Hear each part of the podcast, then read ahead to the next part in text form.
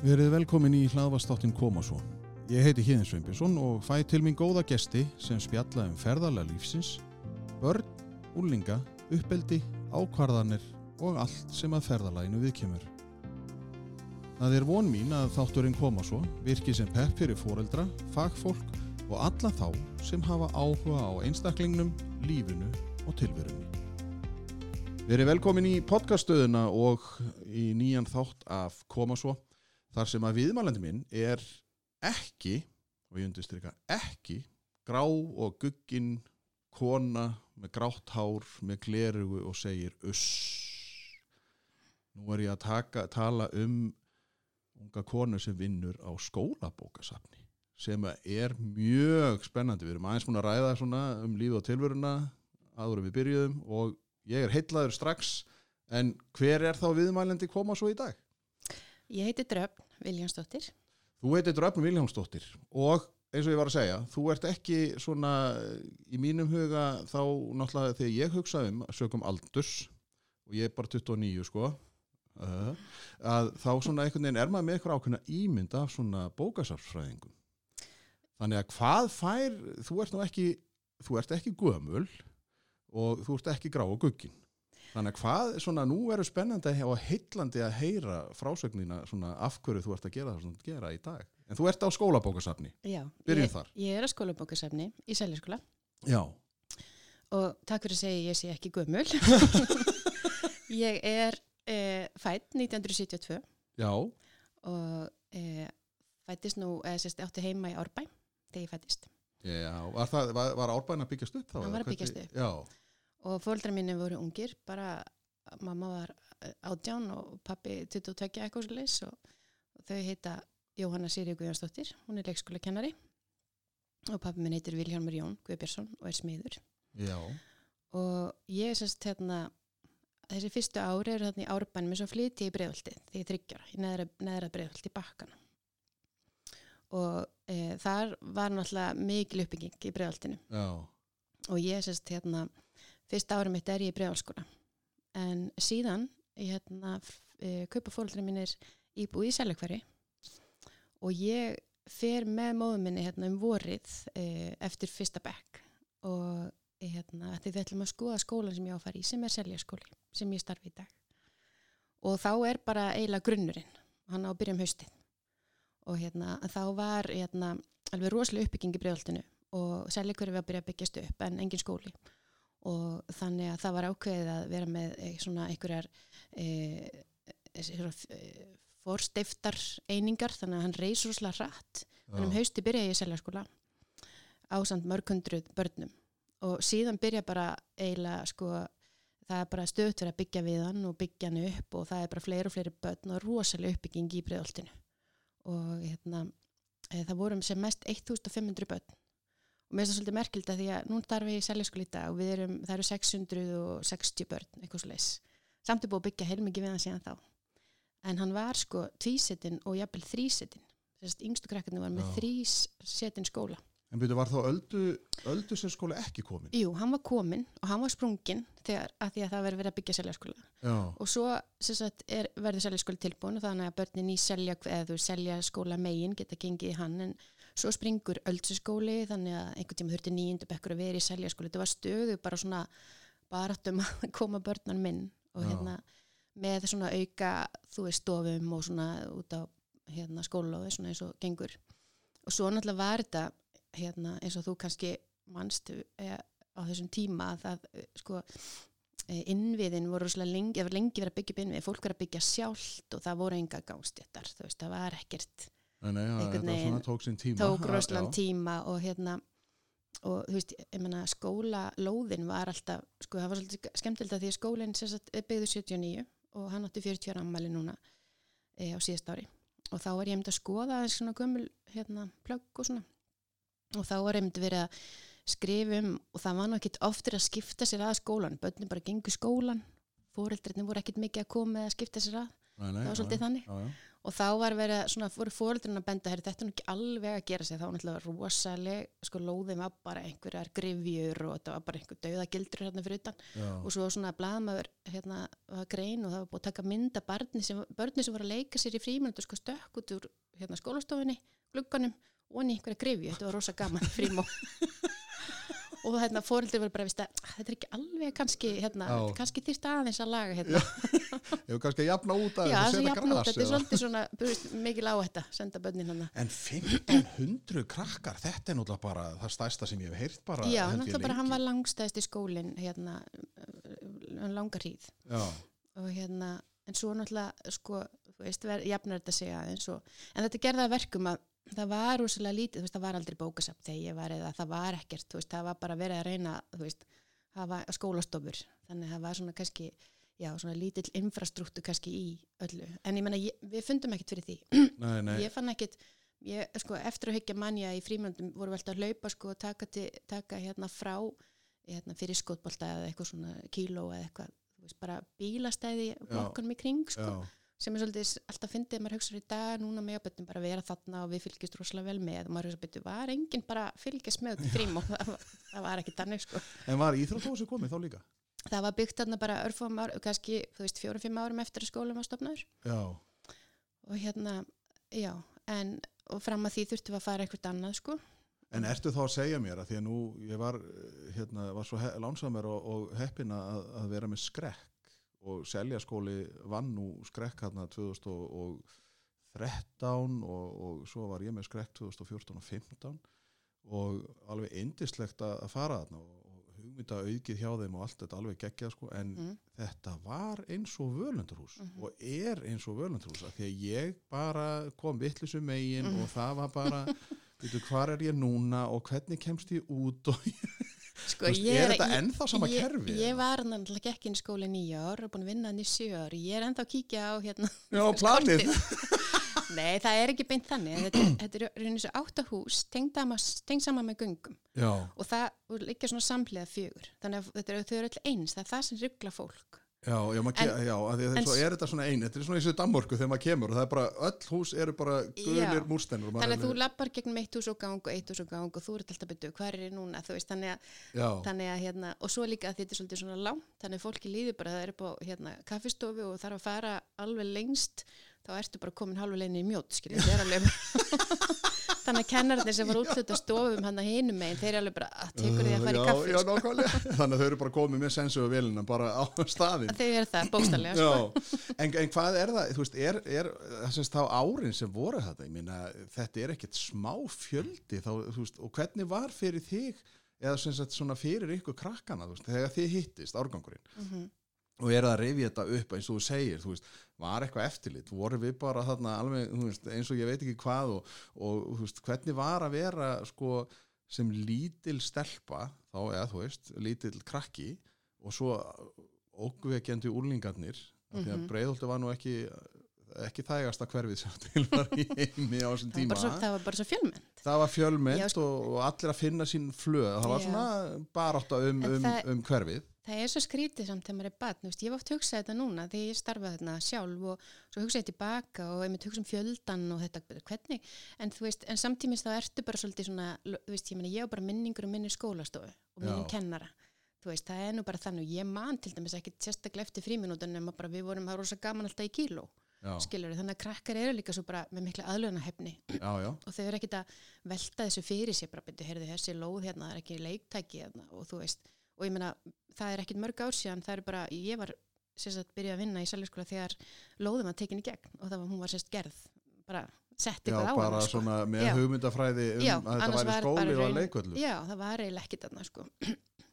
en þú veist, það er einhvern veginn þannig og síðan var reyndar þannig að, að úlingadildin, hún var lokuð, það var svona, þú veist, lokaður hurðnar á milli þannig að við vorum ekkit að fara þangað. Já, og þetta var svolítið svona þannig rúlingarnir og einhvern tíma fyrir við þangað og, en okkur leiði ekkert eitthvað það var ekkert eins og þetta væri yfirþyrmandi eins og ég segi, svona að hugsa stundum með baka bara, þú, en auðvitað sko, árgangurum minn var rosalega stór og Já. ég er ekki mjög mannglögg þannig að stundum er ég bara svona ég fór á eitthvað reunion og það var að tala við einhvern og bara já, veist, og var að spurja hann bara í hvað bekk þú, hann bara dröppi vorum saman í bekk. Og ég alveg, ok.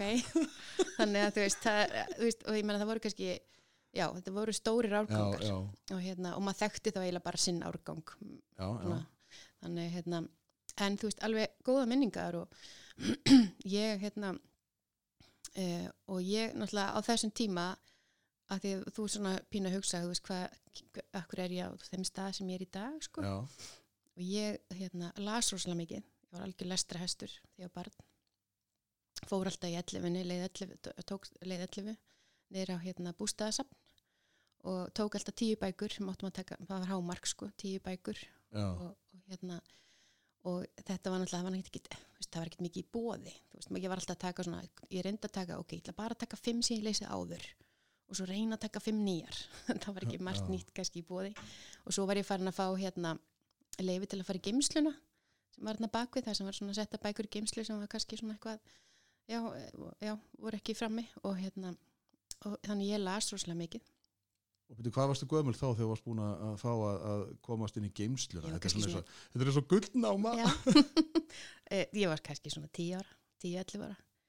Þannig að hérna, þetta var svona, e, sko, þú veist, maður hafði, var, þetta var náttúrulega bæði, eh, þú veist, bókin náttúrulega ákveður svona skjól, þú veist, maður leita kannski, þú veist, bara þegar maður líður ítla eða, þú veist, eða ekki, bara Já. gaman að hverfin í bókina og náttúrulega líka eina afþreyingin, eina afþreyingin sem maður stjórnaði, skilur þú veist, annars þurftum maður bara að býða, þú veist, eftir Dallas klukkan átta á mándugum, það var ekkert það var ekkert með. og þú veist, ef það var bara sunnud, eða þú veist, ef það var þriðudagur, skilu, það var bara að býða, sko.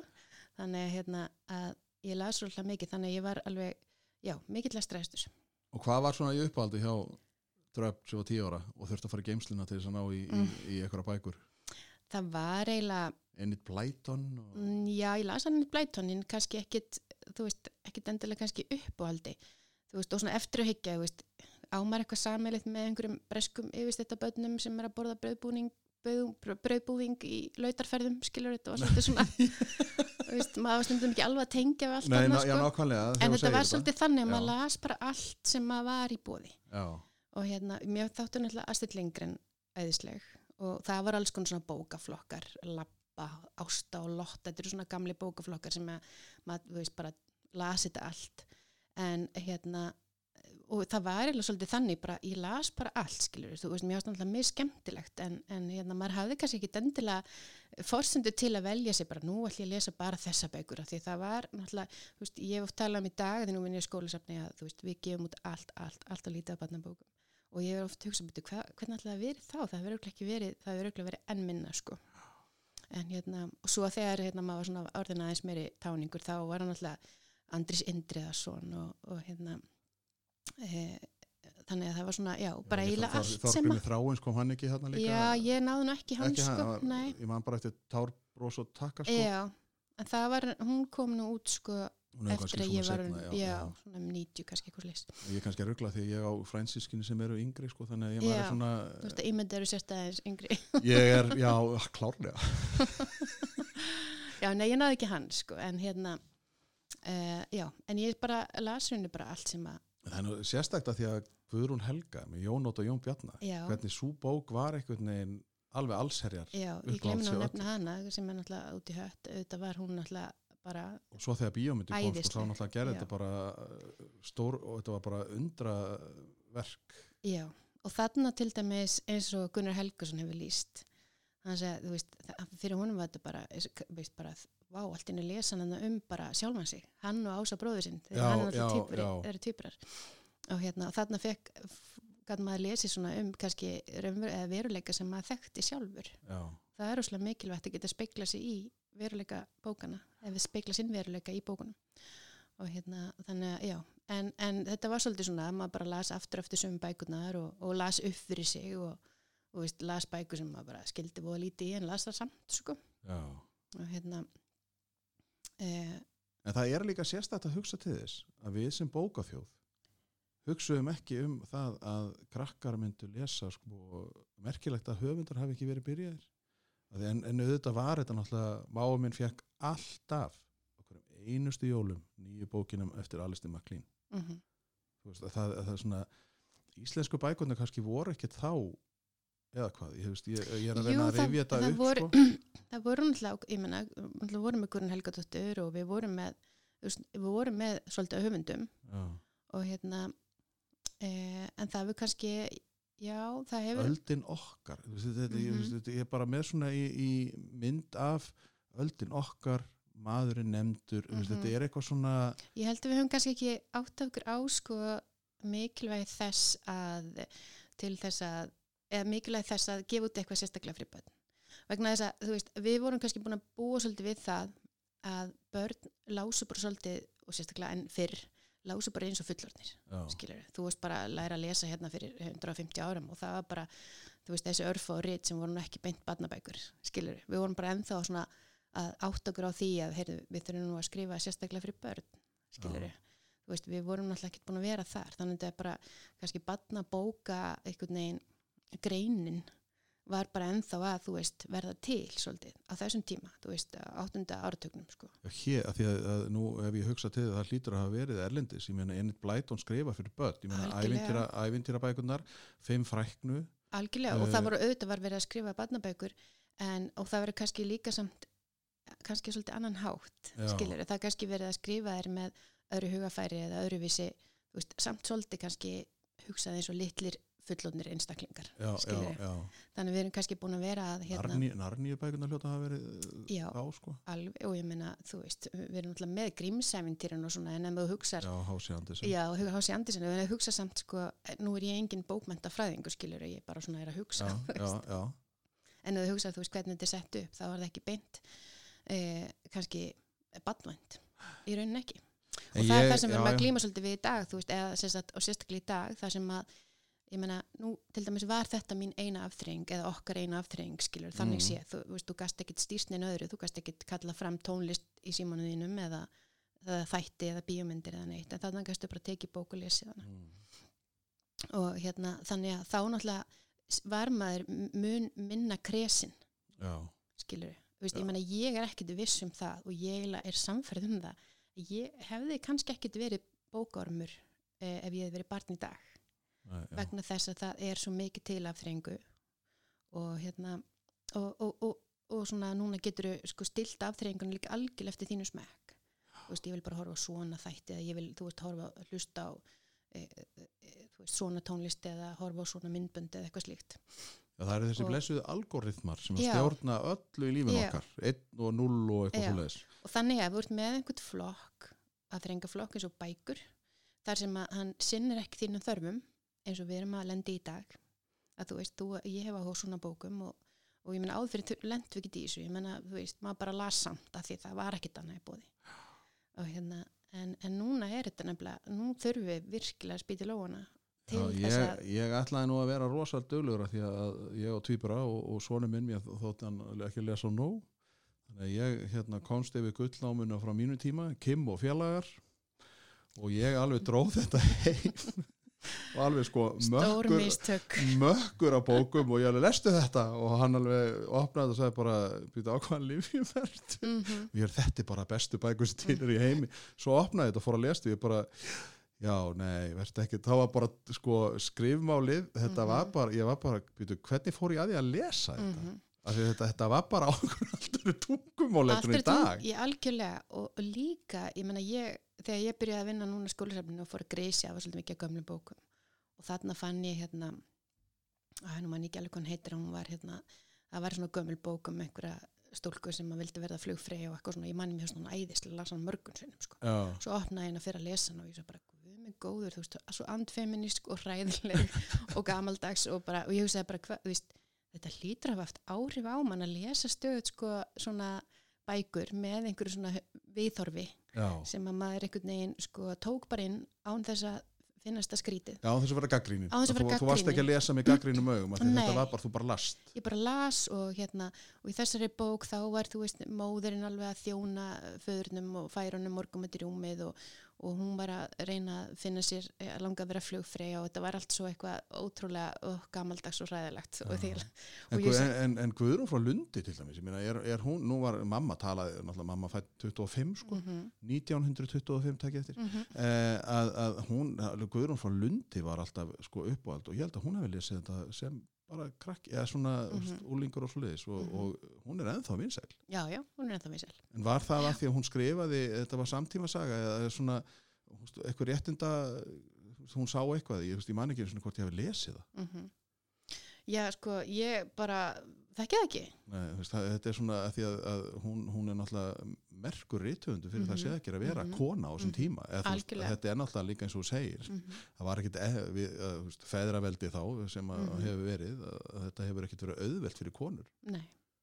Og þetta, veist, og það er þetta sem að, að eðna, þegar þú ert að tala um að draga fram gamla bækur og ég lendi mitt í þessu að krakkarnir kom bara, "Æ, mamma sagði mér að lesa þessa bók og ég menn eins og Enid Blyton, ég menna Mm. það er alveg, þú veist, heil bókmynda geiri sem er búin að, þú veist, greina bækurnir hennar, Eh, það er rosalega mikil hérna, e, þú veist, fordum og gagvart útlendingum og þú Já. veist, það er svona, það er ímislegt mjög skrítið í bókunum hennar skilur og svo í dag er fólk þú veist, það lifir í þessu gamla bara já, ég, ég, þú veist, mér var skaman að lesa þessar bækur þegar ég var barn og hefur kannski ekkert prófað aftur að lesa þær í dag og hérna, þannig ég á sko ég hef grísið rosalega mikið svona gamlu bókum að því að það eru bara úreldar og það er enginn sem les þar en ég á alltaf sko eitt eindak af hverri en blætobók að því að ég lend alltaf í að komi barn og segja mamma eða pappi hafi sagt um já, Koma og já, lesa. já. en þú veist, það er bara, ég, veist, ég held ég var eiginlega aldrei lendi því að net, sko, haldi áfram eða, þú veist, En- ég vil va- fá næstu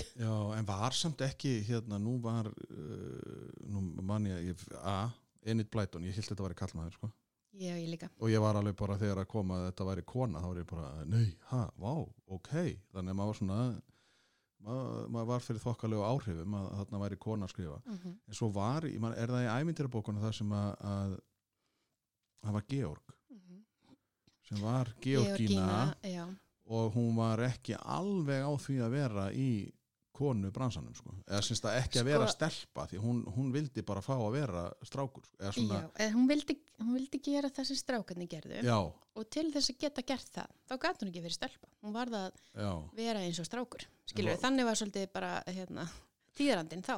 Mér fannst nefnilega svolítið, þú veist, þegar maður rifjar þetta upp mm að þá er svona, byrju, hvað hvernig, hvað mótmæli eða þú veist, voru Mhm. þetta eitthvað mótmæli eða voru þetta svona falin skilabóði eða Mhm. hvað, þú veist, að, að, að, að, Ég held að vera meira verið þannig að þú veist, ég menna, þú manns hvernig þær voru Anna og þú veist, þær voru alltaf bara að gera nest, búið til nestið og eitthvað svona, þú veist, strákarnir gerðu það sem var eitthvað Já, svona, já, Georg, hún var, hún var svona hún, hún, var hún var að berjast fyrir því að þær mættu líka sko. Þannig að þetta en, var en hún mátti ekki sko, hún mátti ekki gera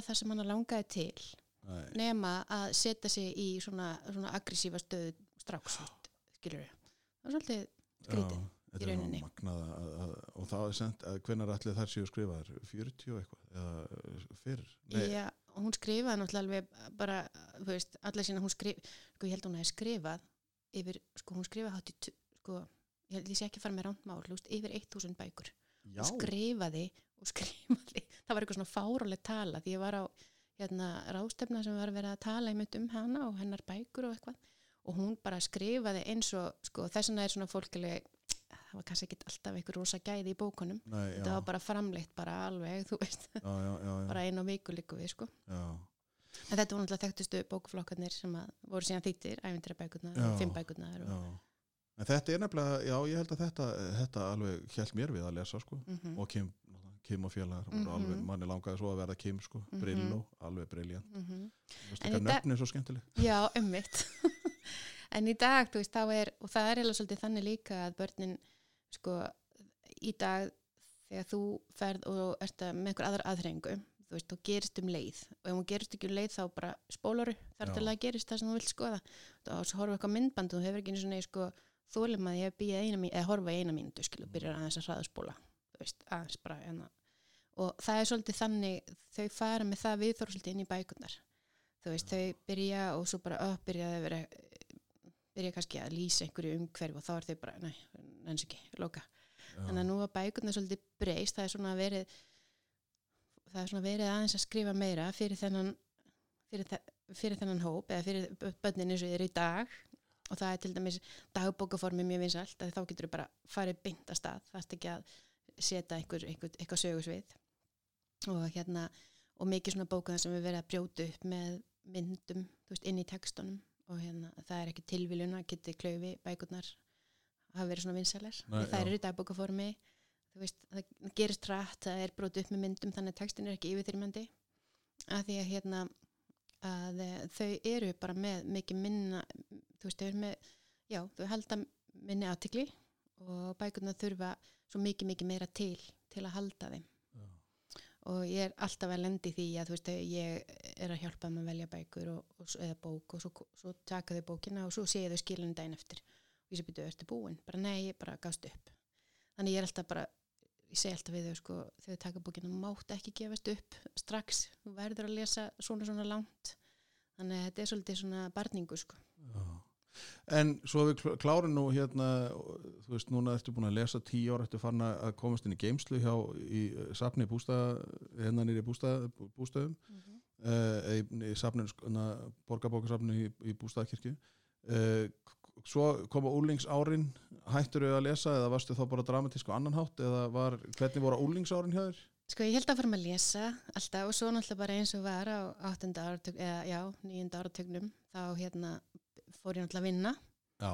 eins og maður átti að gera og hérna, veist, 11 ára, ég var 11 ára um vorið og, og um sömari til dæmis var ég að passa allan daginn, e, tökkjur og tvíbura, fjárara og, og sex ára sískinni þeirra sem ég stundum hugsa eftir á, svolítið spes að ráða 11 ára barn frá 9 til 5 til að passa þessi fjögur börn Það er margt sem við myndum ekki gera í dag. Já, þannig að svona var þetta aldrei, ég var mikið að passa börn. Já. Ég, hafði alltaf rosalega gaman að börnum og hérna, ég á tvo yngri bræður, Guðjón sem er fjórum, fjórum árum yngri ég og er hugbúnaverkfræðingur og svo Símon sem er 11 ára yngri ég og er rammarsverkfræðingur og þegar hann fætist þá er ég 11 ára og ég er pínu svona eiginlega auka mammans bara. Já, já, já, já, já. og hérna alltaf svona verið hrifin af börnum og kannski svona saminastöldi þarna.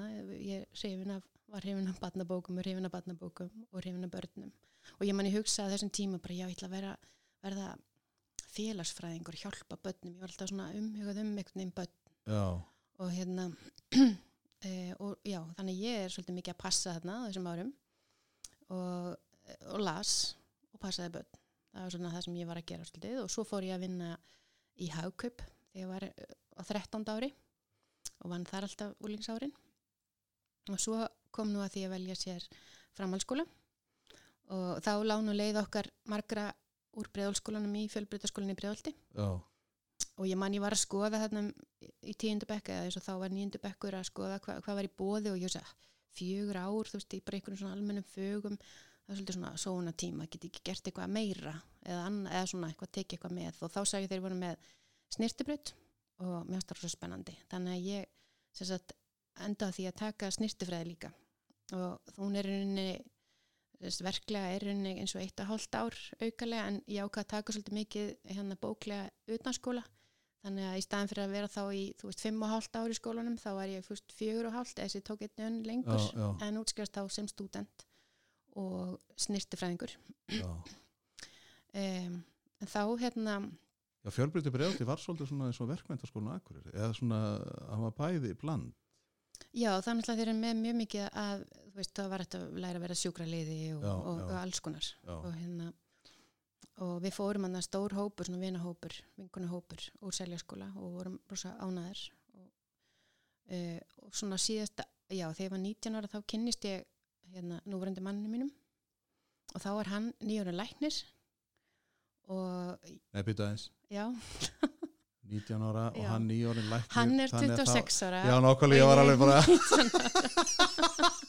ég er alveg bara, wow, er, ok, spólur, hraðspólur núna. Já, þannig hérna þá er ég sérst hérna, já, þannig við erum búin að kynnast þarna Já, á þessum tímpúti og hérna, hann er lítið, lítið strák, þryggjára þannig að ég er hérna 19 ára og er að klára mentaskólan og er fann að vera hérna með kærasta sem er nýjóra læknir og, og á lítið barn, þannig að ég var svolítið svona já, komin svolítið strax einhvern veginn í fullarðins lífið svolítið þannig að þú varst bara orðin stjúp mamma, bara svona 19 ára, já, 19 ára. já.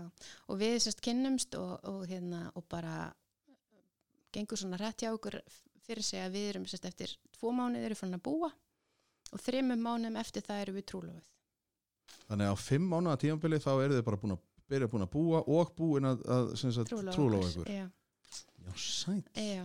Og síðan sagt, verði ég stúdent og hérna og þá er hann fann að huga að sérnámi og hérna og hann hafi sérst, alltaf hugsað sér að hérna, verða heilaskólanir bara frá því hann var barn.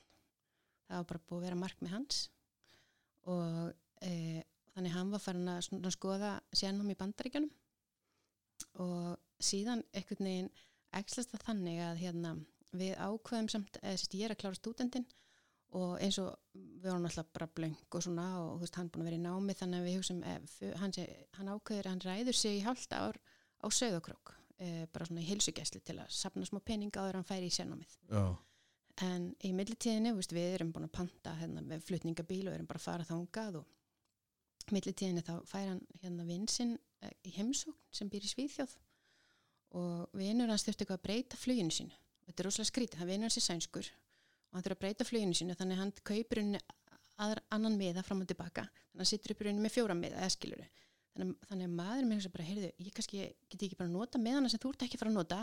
Þú veist, þau flug. Og kannski skotist Stokkons og tekka bara með sérnum þar. Og ég skildi ekki ennþá því hann fór á miðanum hans þú veist, hann fó bara með, þú veist, á sænsku nafni því bara, veitu, hvernig, þú veist, hann breytt aldrei með Veitu, var þetta ekki þegar að, að flugumíðanir voru í svona kalkipapir? Jú, og það greinlega var ekkit verið eitthvað skoðað mikið, þú veist, eitthvað passin bara svona, maður bara mætti bara, þetta var eins og strætóbíl já. já, og hann bara svona skýrstannandi Stokkólms á þessum miðum og, og svo fer hann bara á Karolinska sjúkrásið og, og fer bara þessum að hérna, hérna, prófessorun og hérna og banka bara og hjá rittarannum bara hæ hérna ég er frá Íslandi ég er að spája að fá að hitta prófessorinn. Og hún bara áttu tíma. Og hann bara nei ég er bara komið frá Íslandi. Bara eins og okkur sveita maður veist með töskun í hendinni. Íslenska leiðin, það er bara, bara, bara ég og góðan daginn, ég mætti. og, það, og, sví, og þetta var svíjar séða til. Þeir, þetta var bara ha en svo, svo var þetta eitthvað svo komið þessu aftanæðum að þeir bara veist, hún var bara leift inn og hann bara ég hef bara spæð hvert ég geti komið í sennum hérna og þengrilega bara leist svolítið vel á þetta þannig að hann bara kemur heim og segir heyrðu við bara ábúkum minna bíl ég er að fara til Stokkons veist, ég bara fekk, ég bara mæti eftir tverr vikur. Og hérna og þetta var svolítið svona gerist trætt ég sérst að vera útskrifast, ég held ég var að fara aðeins á söðokrók og vorum bara svona að skoða þú veist, fara til útlanda, þá vorum við búin að saman bara í eitt ár, ég var tvítug. Og hérna og svo bara tveim vikur setna þá erum við bara komið til Stokkons búin að rætta okkur íbúð og ég sitt allt í bara í leiðu íbúið í Stokkólum og bara já, byttu, ok, ég þannig eitthvað að hugsa allt upp á nýtt. Vist, þetta, er, er þetta ekki það sem við myndum kallaða svona ubeigja? Þetta var svolítið ubeigja en samt náttúrulega við vorum hérna, En hann veist, samt að finna sitt. Já, við vissum alltaf að hann færi veist, til útlanda í senum og, hérna, og, og það var kannski svolítið hluta því að veist, við kynnumst og við bara ok, bara byrjum að búa saman því að þú, þú ert að fara að flytja út og við þurfum kannski bara að kanna hvort að ég er að fara með þú veist, er kannski að hérna, byrja að búa og hérna e, þannig að þá er, þá er við sérst komin til Stokkons og ég hafði verið búin að hugsa sko, ég var alls ekkert búin að ákvæða mig hvað ég langaði að gera. Veist, síðast ári í mentarskóla þá var ég búin að hugsa bara, kannski ætti ég að fara í ég var svo skemmt um íslensku áfanga kannski ætti ég að fara í íslensku, kannski ætti ég að fara í lögfræði, kannski, veist, ég var búin að hugsa alls já, já, þannig að þú varst bara opið fyrir öllu. Ég var bara frekar opið fyrir öllu og, og hérna var bara svona aðeins að, þú veist, já og hérna, en svo var ég komin til Stokkons og, hérna, og þá var þessi sænski vinur okkar sem hafi svona óvarturinu komið honum með þessum flugmiða til Stokkons, þá var hann með svona lítið fyrirtæki og hérna bara með þú veist örfáðu starfsfólki hans heyrðu hérna, ég er búin að vera inn í þrjárvíkur vilti ekki bara koma og vinna hjá mér og svara síma? Og ég bara, jú, ok en sko, ég náttúrulega tala enga sænsku og þeir sem að, þú veist, hafa flutt til annars lands vita að það er eitt að læra tungumálið en annað er að tala það í síma, það ja, er alltaf ja. erfitt að sjá ekki viðmælandan Þannig að ég bara fór, fór að vinna við að sværi síman og kunni ekki eins og að segja, skilur, bara kunni ekki neitt. Þannig ég bara kunni nafnið á fyrirtækinu og svo var ég bara alltaf bara í einhverju djúpu. Ögóðan blikk og svo bara sendi bara, heyrðu það ekki held að segja að tala um já, þetta. Já, og svo var ég fann að stundum svona að ekki svara, bara þykist eitthvað að vera upptökin, þannig einhver annar svaraði og svo, svo sagði við komandi eitthvað, já, já, einmitt, hérna býttu andartaki, bara, býttu hvað sann og svo var ég eitthvað að reyna að skrifa niður eitthvað frasa sem ég geti nota þetta var svona krasskors í hérna, sænsku. Og hérna og það er náttúrulega bara, þú veist, svolítið gott að, að hérna að læra sænskuna svona. Og hérna en síðan bara fljótlega þá hérna verði bassafandi og við eignust sérst fyrsta batnið okkar að 94 og þá sérst er ég bara sérst í fæðingarólofi, þess er ég heima með hana og meðan vinkonu mínu voru svona einhver indril ferðalagi og einhverjum, þú veist, bara, svona svona etableru húsmóður ég var bara etalbyrju lækna frú með barn og hérna og maður minn náttúrulega, þú veist, hann fyrir heilaskólinsfræði og eða sérst, fyrir á heilaskutild og það, hann var lang yngstur og það var svolítið mikið svona eldri þú veist, mönnum sem vissi ekki þú veist, hvar leikskóli barnarinn sinna var skil, það var svolítið svona það var svolítið svona e, já, það var náttúrulega ekki þetta norm að þeir væri ekki eitthvað mikið norm að og það taka á- börnunum Nei og líka bara, sko, það var ekki gefið svigurum, skilur, það var þótti bara svolítið flott að vinna mikið og vera löngum vöktum og eða skilur, það var bara sett upp þannig. Já. og hérna, þannig að hann þurfti að vinna rosalega mikið, bara til Já. að hérna, svona halda í við það sem, við þá og það sem hann átti að gera.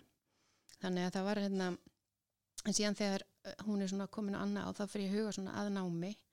Því mér langaði að læra eitthvað en ég vissi ennþá ekki alveg hvað og var svona að skoða þú veist háskóla bæklingin hann í Svíþi og svona. Og svo verður svolítið áfall sko ég, ég byrja að sækja um og hérna og þá eru náttúrulega bara, ég er bara í Stórborg skilur, þá er bara já það er 20 sem komast inn og 5264 sem sóttum og maður bara, þú veist, skilur og, og, og það er bara tekið inn, þú veist, þeir sem eru með hæðstu engunir, þá er tekið allt inn á engun Já, og ég var svo sem alveg fína engun, ég var með eitthvað, þú veist, 8,5 eða eitthvað meðalengun sem er bara alveg ágætt en þá kom það í ljósa að hérna svíjarnir eru með sko frá bara 0 til 5 og í, st- í staðin fyrir að sitta á okkur skala þá að bara, þú veist, þá þýttuður engun yfir í eitthvað 4,1 eða eitthvað svo leis og það er ekkert að ganga upp, þú kemst ekki inn þú veist, fólk er eifilt bara að ná 5 já, það er að fara aftur og aftur í sömu áfungana til að ná 5 já, þannig að ég var alltaf inn í bara ykkur upp kemst ég ekki bara í nám? Eða hvernig er þetta eiginlega en svo hérna og ég tók það svona ákveði próf svona högskóla próf sem maður tekur til að reyna að hjálpa manni líka að komast. Það er náttúrulega líka, í, það er í sænsku já, og alls konar en en veist, já, ég tek það og gengur svo sem ágætlega í því. En síðan hérna var eiginlega bara svolítið tilviljun í hérna, ég er að skoða háskólabækling og það dettur svona blað útrunum þá var eitthvað svona áfungi eða, sest, eða e, nám sem var sett hann inn, auk, sem var ný komið inn í þetta form sem var sett í og það er semst þetta hérna e, í rauninni það sem á íslensku kallast geislafræði en í Svíþjóð er það rauninni röngan hjúkunarfræði þá er það semst grunnurinn er hjúkunarfræði en síðan ferðu og sérhefið í rauninni í hérna, eins og myndgreiningu eða, eða geislafræði. Mhm, og, hérna, og það, þeir höfðu við sérst, verið með þetta í ykkur öðru formi og voru að setja þetta inn þannig að kannski var ég bara heppin að það var ekki margir sem tók eftir þessu aukablaði þannig að ég bara prófa að sækja um þetta ég bara prófa að sækja um allt og komst inn í þetta pínu svona eins og á bananahýði einhvern veginn skilur og svo er þetta svo langt frá því sem þú varst að gera í dag. Ég er alveg bara, uh, betur við þetta var ekki alveg tvistir sem ég bjóst við. Nei, þetta var svona plottvist talandi um þetta, hvern lífið leiðið mann sko, já, Já. ok, og þú ferði þetta ná þannig að ég bara, ok, veist, kemst inn og bara, ok, prófa það, þú veist, og fer og, og, og líka svo sem ágætlega, þú veist, ég hef alveg þú veist, í snirtifræðin þá ert að vinna svolítið svona eins og með, ekki beint með sjúkling en þú ert að vinna svolítið svona, ekkert ósvipað. já, já. Og, og ég hefði alltaf, ga- þú veist veist, menn, ummunun var alveg mitt og, þú veist, þannig, og hérna, þannig að mér fannst þetta bara skemmtilegt. Og líka gaman, þú veist, ég var búin að að, veist, gaman að gera eitthvað svona bara, þetta var mitt og ég var hérna, að læra eitthvað, það var alltaf gaman að læra eitthvað og, og hérna, og síðan útskrifast ég og fer að vinna á Karolinska sjúkrahúsinu. Og, og ég starfa þar í rauninni í tíu ár á svona sem eins og svíja segja röngan hvukvæðiska um, röngan hjúgrunarfræðingur já, og ég er með BS í þetta, en hérna rauninni er ég með uh, starfsleifi sem veist, að ég starfa í rauninni við Já, það sem já. geislafræðingar starfi í dag og, og ég sé að hérna, fyrst er ég að vinna bara svona bráða um, um, svona bráða hérna e, svona röngandild eða svo leist og það sem er bara, þú veist, tölvisneimendir og, og fólk er komin brotið og alls konar. En svo gekk það ekki upp að því það er náttúrulega vakt að vinna. Og, og við erum hann að komin þú veist, það bætist við börn og við erum komið þrjú börn.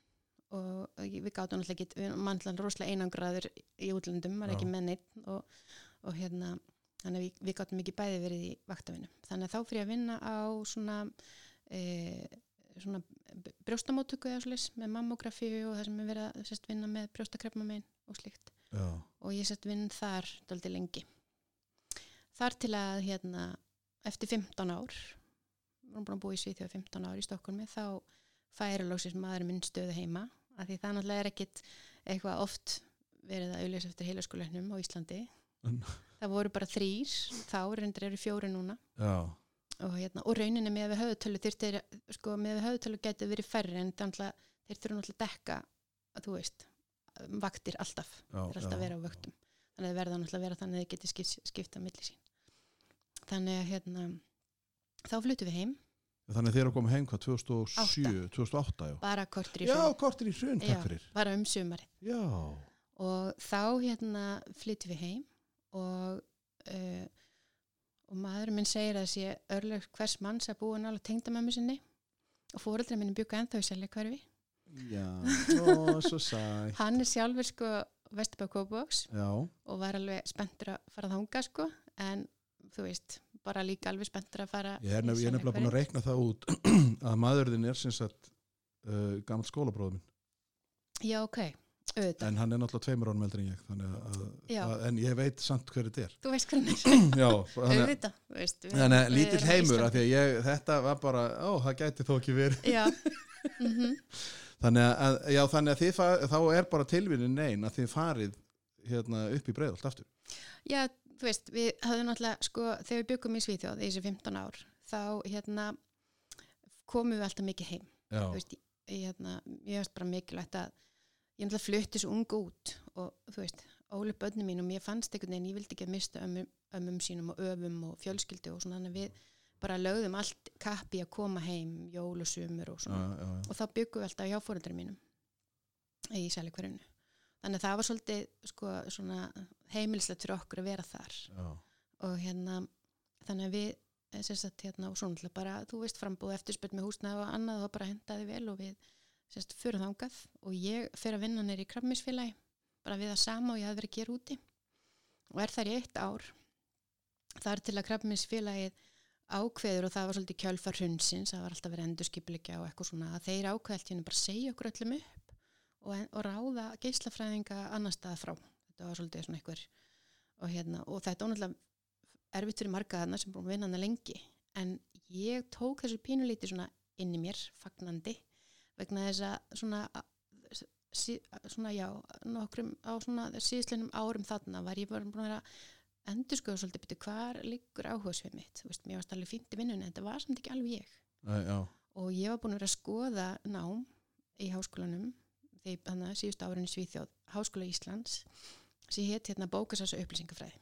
Og hérna ég er bara svolítið svona ég, mér finnst rosalega gaman að miðla mér finnst rosalega gaman að leita mér upplýsinga þú veist, ég geti verið algjör svona grúskari og hérna og bara, þú veist, áhuga bókum áhuga, þú veist, þetta var bara svona, ég las í sko námskrána og bara, þú veist, er þetta nám eða skemmtun? já. Þetta er bara, vá, bara geggja já. og hérna, Partí! já það var svolítið þannig, sko en hins vegar, þú veist, þú ert komin bara á færtusaldur með þrjú börn og ert að vinna, þú ert ekki að vera nú ætla ég að hætti vinnunni og fara að gera eitthvað þeirna, fara í eitthvað skemmtilegt nám, bara svona sí svona þú gerir það ekki beint, Nei. það þarf svolítið til.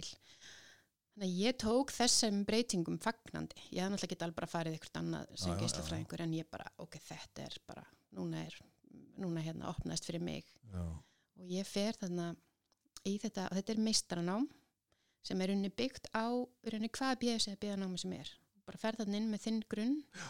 og fer því sem bókasas upplýsingafræði. Og það er unni þrískipt, það er unni svo bókasasfræði upplýsingafræði sem getur verið rosalega svona breytt svið já, og skjalastjórn það sem þú veist að þú veist, sér um skjalastjórn fyrir fyrirtækjastofnir eða eitthvað slíkt. Og, hérna, og ég er þessu námi í tvö ár finnst það bara ótrúlega skemmtilegt og síðan þegar ég, bara ég er að útskrifast ég bara skila ríkenni minni þá e, talar Þóriður Kristjánsson sem er þá skólastur í seljaskóla við mig að því ég er svona manneskja sem að ég verið í þú veist fóreldrafélagi og skólaráði og þú veist bara frá því 1996 frá því bara barnið mitt byrjaði leikskóla.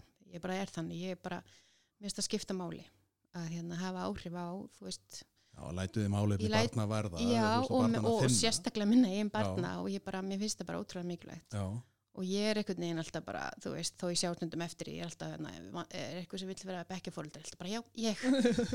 Og svo er ég alltaf bara, oh, en þú veist en samt alveg, jú, þetta er svo mikilvægt og ég vil hafa áhrif. Og ég vil líka vera svona inn í málunum, ég vil vita hvað er að gerast.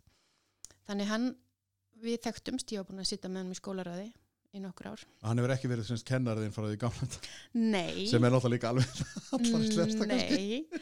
en það eru ennþá kennarar í seljarskóla sem kendu mér. Og, og hvernig er þá, veist, þegar þú lappaðir hérna inn, Það sem ég var skrítnasta var, sko, það eru hérna tveir eðislir kennarar í þetta kennar og smiða kennari og ég kom þannig og ég svo bara byttu, ha, byttu, að því að, þú veist, mér fannst, ég bara, þú veist, eiga þeir ekki vera hundra ára, skilur ég- svo að byttu, þeir eru bara ekkert einu svona gamlir, þú veist, þeir eru bara eitthvað rétt 60, byttu, þá voru þeir bara eitthvað tvítu, þegar þeir kendu mér. ég, mér var þetta á þegar ég lappaði inn í kásniskóla ekkert með frænda mínum Mm og ég leiði, ha, er þú einna ennþá? Og þá sko var svarið á móti óbúsluðu kálfur ertu Mm. reyndar ekki alveg þessi orð sko, þetta er svona ritt sko að, að þá var hún kannski 22, þú veist, það var kannski 10 ára mill okkar, Já.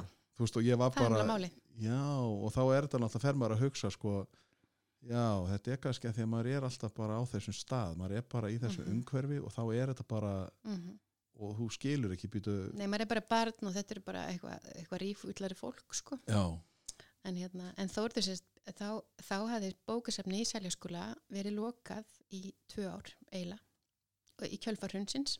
sem er náttúrulega líka merkilegt að það er þetta litla, þú veist, það var verið að tala um það ekki á, í hruninu hvernig sumar, sumir fóru sko, voru að losa sig við þetta litlu hlutina sem að kannski Já, náttúrulega eru meira mikilvægir heldur en við höldum algjörlega og ég menna, ég held að enginn efist um mikilvægi þeirra. En það sem var kannski e, málið að e, sparnar var bara svo brálæslegur og þú þurfti bara að halda hérna, út í lögbildinu þjónustu að hafa kennari fyrir börnin. já, En það sem gerðist var að hérna, skólusefnum voru svolítið jaðsett það, það, og ég veit ekki hvort að það var e, viljandi eða ekki en í þrjú ár á þessum tíma þá dettur út úr grunnskólalögum þessi lína að það, það ber að vera skólasefn á hverju, hverjum skóla.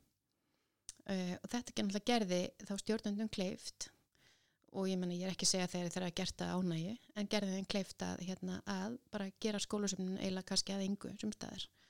Og þetta er rosalega erfitt að því að þú veist, þegar ég kem hana inn eh, og það er enginn búin að vera í tvö ár að þá náttúrulega er safni bara í rúst skil, það er ekki búið að kaupa neitt inn, það er ekki búið að gera neitt og það er búið að þess, það var kannski einhver sem kom inn klukkutíma á dag og hjálpa krökkunum að veist, setja bækur inn og út en safni var náttúrulega bara, veist, í lamasessi sko.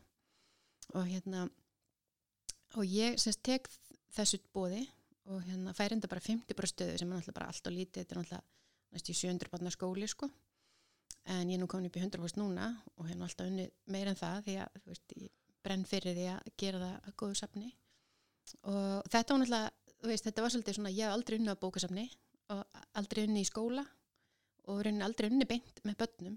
Já, en þú veist, en ég, mér var þetta alveg sjúklega spennandi og ótrúlega skemmtilegt. Bæðið finnst mér bara dásanlegt að vinna með börnunum. Mér þykir svo vænt um þau og bara mér er svo gaman að vera með þeim. En svo fannst mér líka svo æðislegt náttúrulega að, að hérna vinna á bókasamni og byggja það upp veist, þetta er bara svona mitt skiluru svæði.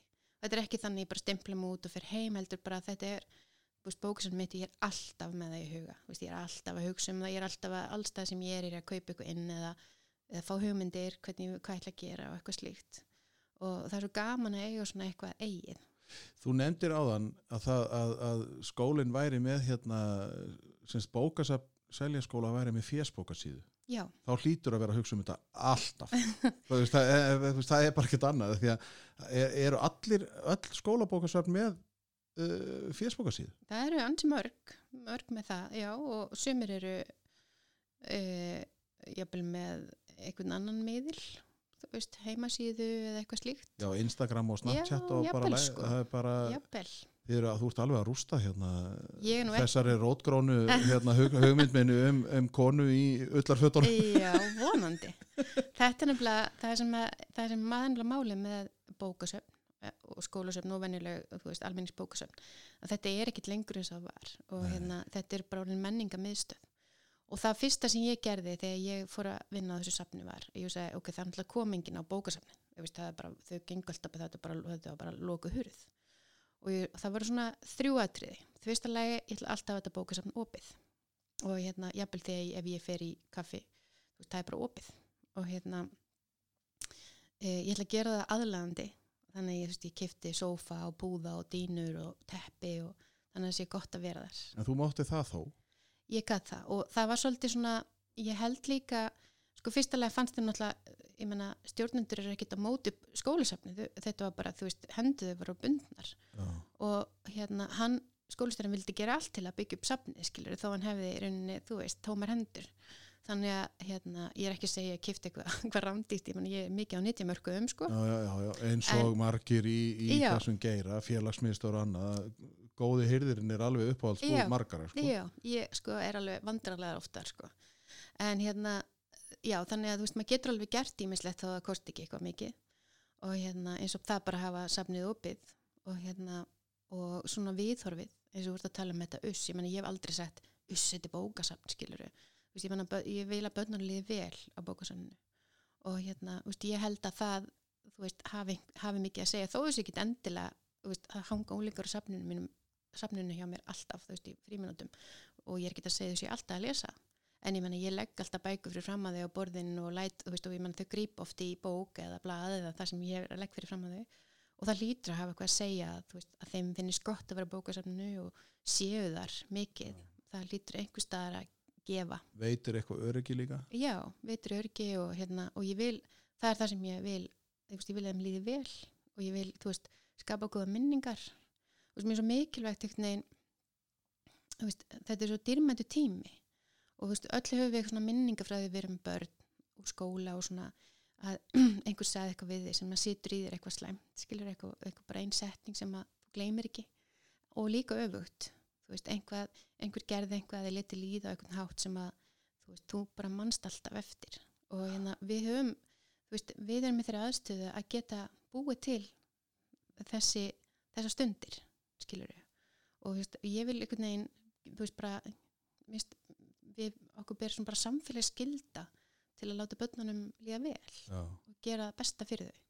Þannig að þú, sagt, gerði þrend í 50% starfi að, að það var opið allan tíman og það, þú hérna fóst í það að, að gera það svona hugulegt, aðlegandi og þriðja var að e, setja fót bókasastíma og ég er ekki, að því ég, sko, þú veist, á skólasafni þá getur annars, vera, annars vegar verið bókasas upplýsingafræðingur og svo getur verið líka kennari, það er svona eiginlega tvískipt sem margir sem vinna á safni eru kennarar. Já, og þá er þeir yfir ráðnir inn með einhvers konar kennsluskyldu, þú veist að þeir eru að taka inn krakkarna á safni einhverja tíma, sko. En ég er ekki með kennsluskyldu því ég er ekki kennari. En mér fannst hérna óbúslega mikilvægt að taka þau inn í hópum. Þannig ég fengi einhvern veginn að e, þú veist, ég með einhver e, lestarkveitandi verkefni, ég er að gera eitthvað með þeim og bara kynna bækurna fyrir þeim og bara, veist, þetta var bara forsenda fyrir því ég geti gert það sem ég er að gera. Af ég fengi þau til minn í hópum þannig að ég sérst er með þau í, hérna, í svona bókusashópum ég bara svona sem við kennar á haustin bara hvernig get ég fengið þinn hóp og, og svona þó þetta sé ekki beintin í stundaskrá já, og hérna þar, þú veist, gerast töfrandir það sem ég get verið með þeim að því að, þú veist, vennilega þau koma og ná sér í bók þá hafa þau oft ekkert mikinn tíma og ég get kannski ekki verið að, þú veist, gera eitthvað, svona, eitthvað mikið með þeim eins og ég get gert í tímum. Þannig þetta var svona, já, og svo náttúrulega líka það sem ég gerði var náttúrulega bara að stækkaði safnum um helming, fekk að rífa niður vegg og stækka það. Og svo náttúrulega bara því að ég meina það er fullt af bókum þarna frá bara 60 eitthvað, 70 eitthvað, ég meina bæ- bækur sem eru algjörlega úreldar að því bókasafn er ekki beint gott orð að þetta er ekki safn skilur þetta náttúrulega já. safn er eitthvað svona eins og þetta safn einhverju sem er bara til sínis eða eitthvað slíkt. Eins og skjálasafn. eins og skjálasafn en þetta er náttúrulega, er, þetta er, náttúrulega er ekki það. Og hérna þannig að ég er búin að grísja gífulega og hérna og kaupin meira bókum sem eru vinsalar veist, ef ég sér eitthvað vinsalt þá reyni ég að, veist, ég, það er svona markmið hjá mér er að þú kemur á bókasafn og vilt fá bók að þá fáur þá bók. Að því, veist, mér finnst það að vera bara hérna, mín skilda vegna þess að ég er alltaf reyna að finna bókina. Með stóri bjöði, bókin sem að þú veist, kveikir á hérna, áhuga þínum að lesa. Eða gera verkum bara, vá, þetta var æðislega bók. Þessi tilfinning skilur sem að færa maður að lesa góða bók og hérna, ég tel það vera skildi mín að reyna að finna þessa bók fyrir hvert einasta batskólans og það er svolítið erfitt þegar maður er kannski ekki með hérna, fyrstalega ekki með kannski fjármann til að kaupa eins marga bækum mann langar. Öðru lagi þá er allt og lítið gefið út á barnabókum á Íslandi. Og e, þannig að það, það svona e, þannig að ég reyna að gera allt. Þannig að barni kemur að beða mig um bók þá bara svona legg ég rosalega mikið á mig til Já, til að redda bókinni Já, ég eða- ég fyrir stundum á borgarbókusafni sæki eindök þar og lána í gegnum mitt safn eða kaupi fleiri eða þú veist, já, ég, ég, brana, ég vil að barni fái þær bækur sem það langar til að lesa. Talandi um fjármagn, hvað, hvernig var það þá þegar þú sagt kemur inn og ég meina þá er safni búið að vera að loka hvað í tvö eða þrjú ár? Ár og, og þú eins og þú segir sko að þarna er bara þá okkur bókakostur sem að er bara nýræður eða þú veist á okkur tungumáli sem að, að og með andfeministar með svona einhverjar, einhver gildi sem að voru bara þá og eru alls ekki núna. Og, og hvernig er það til dæmis í sko þessi setning hefur þá komið inn aftur í lögin eða ekki? Að, að, að, sveitafélugum ber að hafa skólasafn. Já, það er semst í grunnskólalögum þá er þessi setning að það eigi að vera skólasamni hverjum skóla. en það fylgir ekki og tryggja ber fjármagn Nei, það fylgir ekki tryggja byrja fjármagn eða það verður að vera svona og svona, svona, svona marga bækur eða þetta er starfsmenn sem á að vera í gangi eða það þarf að vera einhver sem vinnur þar eða starfar á safninu, það er ekkit um þetta. Þannig að, þannig að stjórnundum er bara sjálfsvælt sett í rauninni í hvað er, þú veist, þið geta sett eina hillu með bókum og sagt þetta er skólasafn og, hérna, og þetta er óslega misjamt og það er líka eitthvað sem að ég veist einhvern veginn við erum að berjast fyrir í, að því nú er ég formaði félags fagfólis og skólasöfnum sem er rauninni bara eh, við á söfnunum, skólasöfnunum sjálf sem erum að reyna að reyka einhvers konar félag til bara greininni til handa bara til framþróunis Já, og við viljum, þú veist, búa til einhver umgjörð. Það þarf að vera það þarf að vera um, reg, veist, það þarf að vera eitthvað hva, hvað, hver er ég á starfsöfnun? Hvað, á- hvað að fara fram á söfnunum? Veist, hvað eigum að kaupa inn á bókum? Hvað getum við keift inn á bókum? Veist, það, við viljum til dæmis það, við viljum að e, það verði þannig að fjármagni sem skólasöfn fær miðist við að þú getur keift eina bók per bad per ár. Þannig hjá mér væri þá 660 uh, sinnum verð og nýri bók. Það Já. væri þá fjármagni sem ég væri með fyrir safnið mitt. Og hérna, en þetta er allt svona í svolítum ólestri. Það er enga reglur um þetta. Það, við höfum þessa einu, einu setningu grunnskólalögu að vinna með. Við erum sko fæst sveitafélag og ekki Reykjavík sem er nú stæðsta sveitafélag er með kannski einhvers konar e, markmið fyrir skólasöfnin það er ekki ekki tilnætt plagg um þetta er það sem við ætlum að vinna að með að, og, og þegar þetta, þegar þetta er svona þá verður svo mikil mismunun og, og mismunur á milli skólasafna og skóla þannig að þú, þú getur verið með batni í einum skóla sem fær mjög öflugt bókasafn og veist, það sem er öflugt starfsemi og það sem að það fær þær bækur sem batni langar að lesa. Svo getur verið með annars skólasafn það sem er bara ekkert að frétta veist, ekkert keift inn og, og eitthvað svona hálflokað eða eitthvað fram á göngu það sem er einhvern veginn engin almennlega aðstæða en, en þú talar, mín tilfinningin er mín, mín tilfinning er gagvar þér að þú ert, að því að þú ert eldhugi þú ert, vak, þú ert bara vakand og sofandi yfir þessu, þessu semst, verkefni sem heitir að láta börn lesa eða, eða að, að, að tryggja það að þau fái mm -hmm. bækur til þess að lesa. En þú veist þú, þú ert manneskjan. Veist, hvað gerir svo þegar að, að dröfn hættir og selja skilur, þetta er svo mikið e- þetta hljómar eins og þetta, þetta er svo ofbóðslega einstaklingsbundi Já, það er nákvæmlega, það er nákvæmlega málið og þess vegna er, er ég og, og, og mínir starfsfélag, við erum að, sagt, að reyna að vinna að því að þetta verð fari ekki bara eftir, þú veist, ertu með eldhuga einhverjum bókasafni eða ekki. Veist, það má ekki vera þannig. Þetta, þess vegna þarf hennan ramma.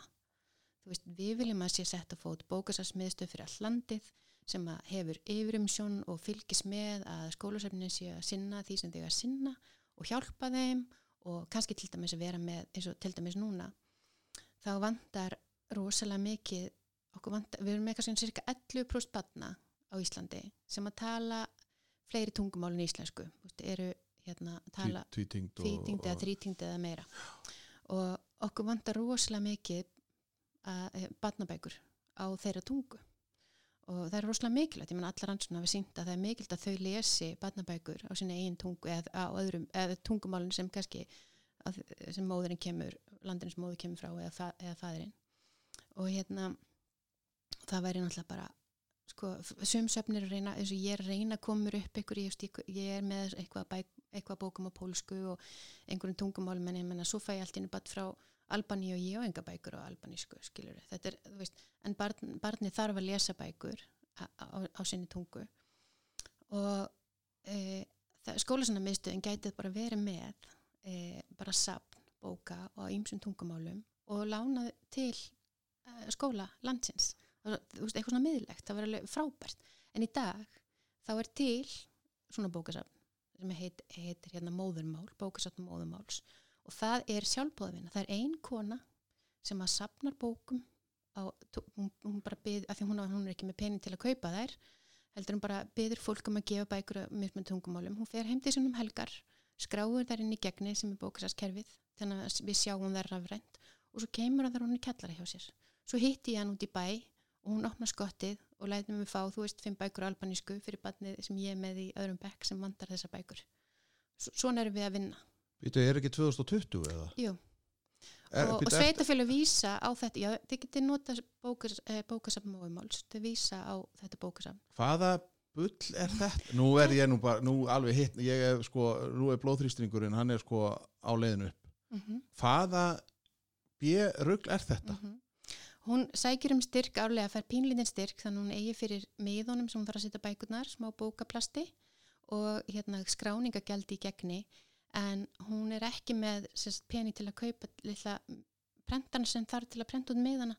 Þannig hún fær að koma inn í einhvern, einhvern grunnskóla þegar vetrafrí eða helgi eða eitthvað til að prenta út skilur, og þessi konur er að vinna í sjálfbáðinu við þetta. Hvaða steik er þetta að vera misn þetta finnst mér bara glatað sveitafélag mm -hmm. gerði ykkur í brók mm -hmm. Við erum að tala um 11 bró spatna og sko auðvitað, ef við hugsaðum að það væri skólarsanarmiðstöð og þetta myndi bara, hún myndi vera, vera bara undir því, skiluru vera með eðlilega aðstöð, ég geti, þú veist, þú myndi senda mér bækurnar, ég þurfti ekki að hitta hann út í bæ eins og ég sagði líka við hann um daginn hún var að afgreða bækur í skottin, ég sagði þetta er eins og við séum bara hérna einhverju glæpastarsimi sko. Hæ, mm -hmm. að hún væri bara með fullan poka peningi mm -hmm. eða þú er, jésús og þetta er svolítið svona eins og við upplifum kannski, þú veist, það er verið að tala um það er rosalega mikið verið að tala um eblalæsi, eblalæsi barna og, og, og ebla íslenskuna og allt þetta. En síðan er einhvern veginn sko aðstæðnar sem að við eða sérst hérna fórsendina sem við fáum eru pínu þessar. Og til dæmis það að sveitafélug sé ekki með veist, eins og sömur sem er á skólusefnum ég er heppin, ég er ekki alveg þannig ég fæ ágætis svona fjármagn að því að líka þú veist, bókasamni hjá mér er vinsælt og ég er búin að ná því á svona ákveði plana þú veist að þau sjá þetta er málið skilur þannig að stjórnandur er með mér, mér í liði. En svo eru aðri sem eru bara berjastur tilvist sapsinsins ég menna þú vinnur skólarbókusafni en þú þarfst að, að, hérna, að bara krýja út einhver smá fyrir til að kaupa bækunar ég menna bækunar eru það sem veist, bækunar eru málið. Ef þú getur ekki kæft bækurinn á skólasafni hvað getur þú gert? Og ég menna þú ert ráðin um skólarbókusafni þú átt ekki þurfa að berjast fyrir tilvistinni að berjast fyrir tilvissapsins skiluru þú átt ekki að þurfa að eða kröftum í það. Já, það er náttúrulega líka eitt að tala um að þú sért sko að bækur og lestur sé að dala ef að það er ekki sett í þennan málaflokk það sem á að vera. Og, og eins og við vorum að tala um fyrir þáttina að, að skólasafn Reykjavíkur, hétta ekki það? Uh, skólabókamistu skólamistur skóla Reykjavíkur eða hvernig það var að, að þetta voru fjórar konur og það var þeim var sagt upp eða það var ákveð að dreifa þessu fyrir Já, það var sem skólas, skólasafna miðstöð já. það var svona yfir yfir samtök svona skólasafna miðstöð sem var fyrir Reykjavík og búin að var bara frá því að bara fyrsta skólasafnum var stopnað bara upp á 1970 það kom svona einhver regla á það. Já. og hún sérst þjónustadi skólusöfnin og einmitt þetta að hafa á samræmingin að þetta væri samræmt skilari að þú, þú veist, það væri sama hvar þú væri nefnand og fengir svipa, svipað þjónustu. Já, svipað bækur Svipa, Já, og bara það væri, já, og þú veist og, og hérna e, og sá til dæmis um skráningar og plöstun, þú veist, eitthvað svona sem að e, í rauninni sniðut að hafa e, svona miðlægt það, það gengur mikið hraða fyrir sig og er mikið betra. En hérna svona í miðju kafi þegar mest er talað um ebla læsi bara fyrir þreymur árum þá er ákveð að leggja hana niður. Bara því að allt innu sjá, þeir eitthvað, eitthvað fjöð þarna sem að heyrðu þau við getum kannski sparað eitthvað hér. En taland um þú veist að hérna sko þú veist þetta er svo óbáslega hérna þú veist, þetta sparar ekki neitt. Þetta er svo, þetta er svo hérna, algjör algjör afturför. Já, þetta er svona raung hugsun einhvern veginn á Já. þessu þegar maður er að segja A en svo einhvern veginn sleppur B og að hoppa yfir. Já, þannig að þetta gerði það verkun til dæmis ég var með kennslu fyrir fyrsta til sjönda bekk. Og ég meina ég er náttúrulega ekki með eitt undirbúningstíma, ég er að reka rauninni SAP sem er, ég meina ég held að skólabókasafni mitt fær inn mikið, mikið fleiri nefendur eða sérst rauninni lánþega yfir daginn heldur en mjög mörg útibú til dæmis bókasafnins skilur, ég, það er rosalega mikið um að vera á bókasafninu mínu. Og hérna ég er að vinna svona vennileg bókasafstörf þú veist, inn og útlán, innheimta bækur sem er ekki að koma, þú veist, bara alls konar svona sem baku tjöldin sem fólk sér ekki. Og síðan er ég með kennsluna og ég þarf að undirbúa kennsluna og svo náttúrulega er ég bara allan dag með börn á safninu sem ég er að aðstofa við að taka bækur og, og hérna, velja sér bækur og ég er að aðstofa kennarinn að finna bækur sem þá, þá vantar fyrir kennslu og slíkt. En ón á þetta þá bætist við að allt innu þarf ég að fara að skrá og plasta eh, kannski 1500 bækur eh, veturinn.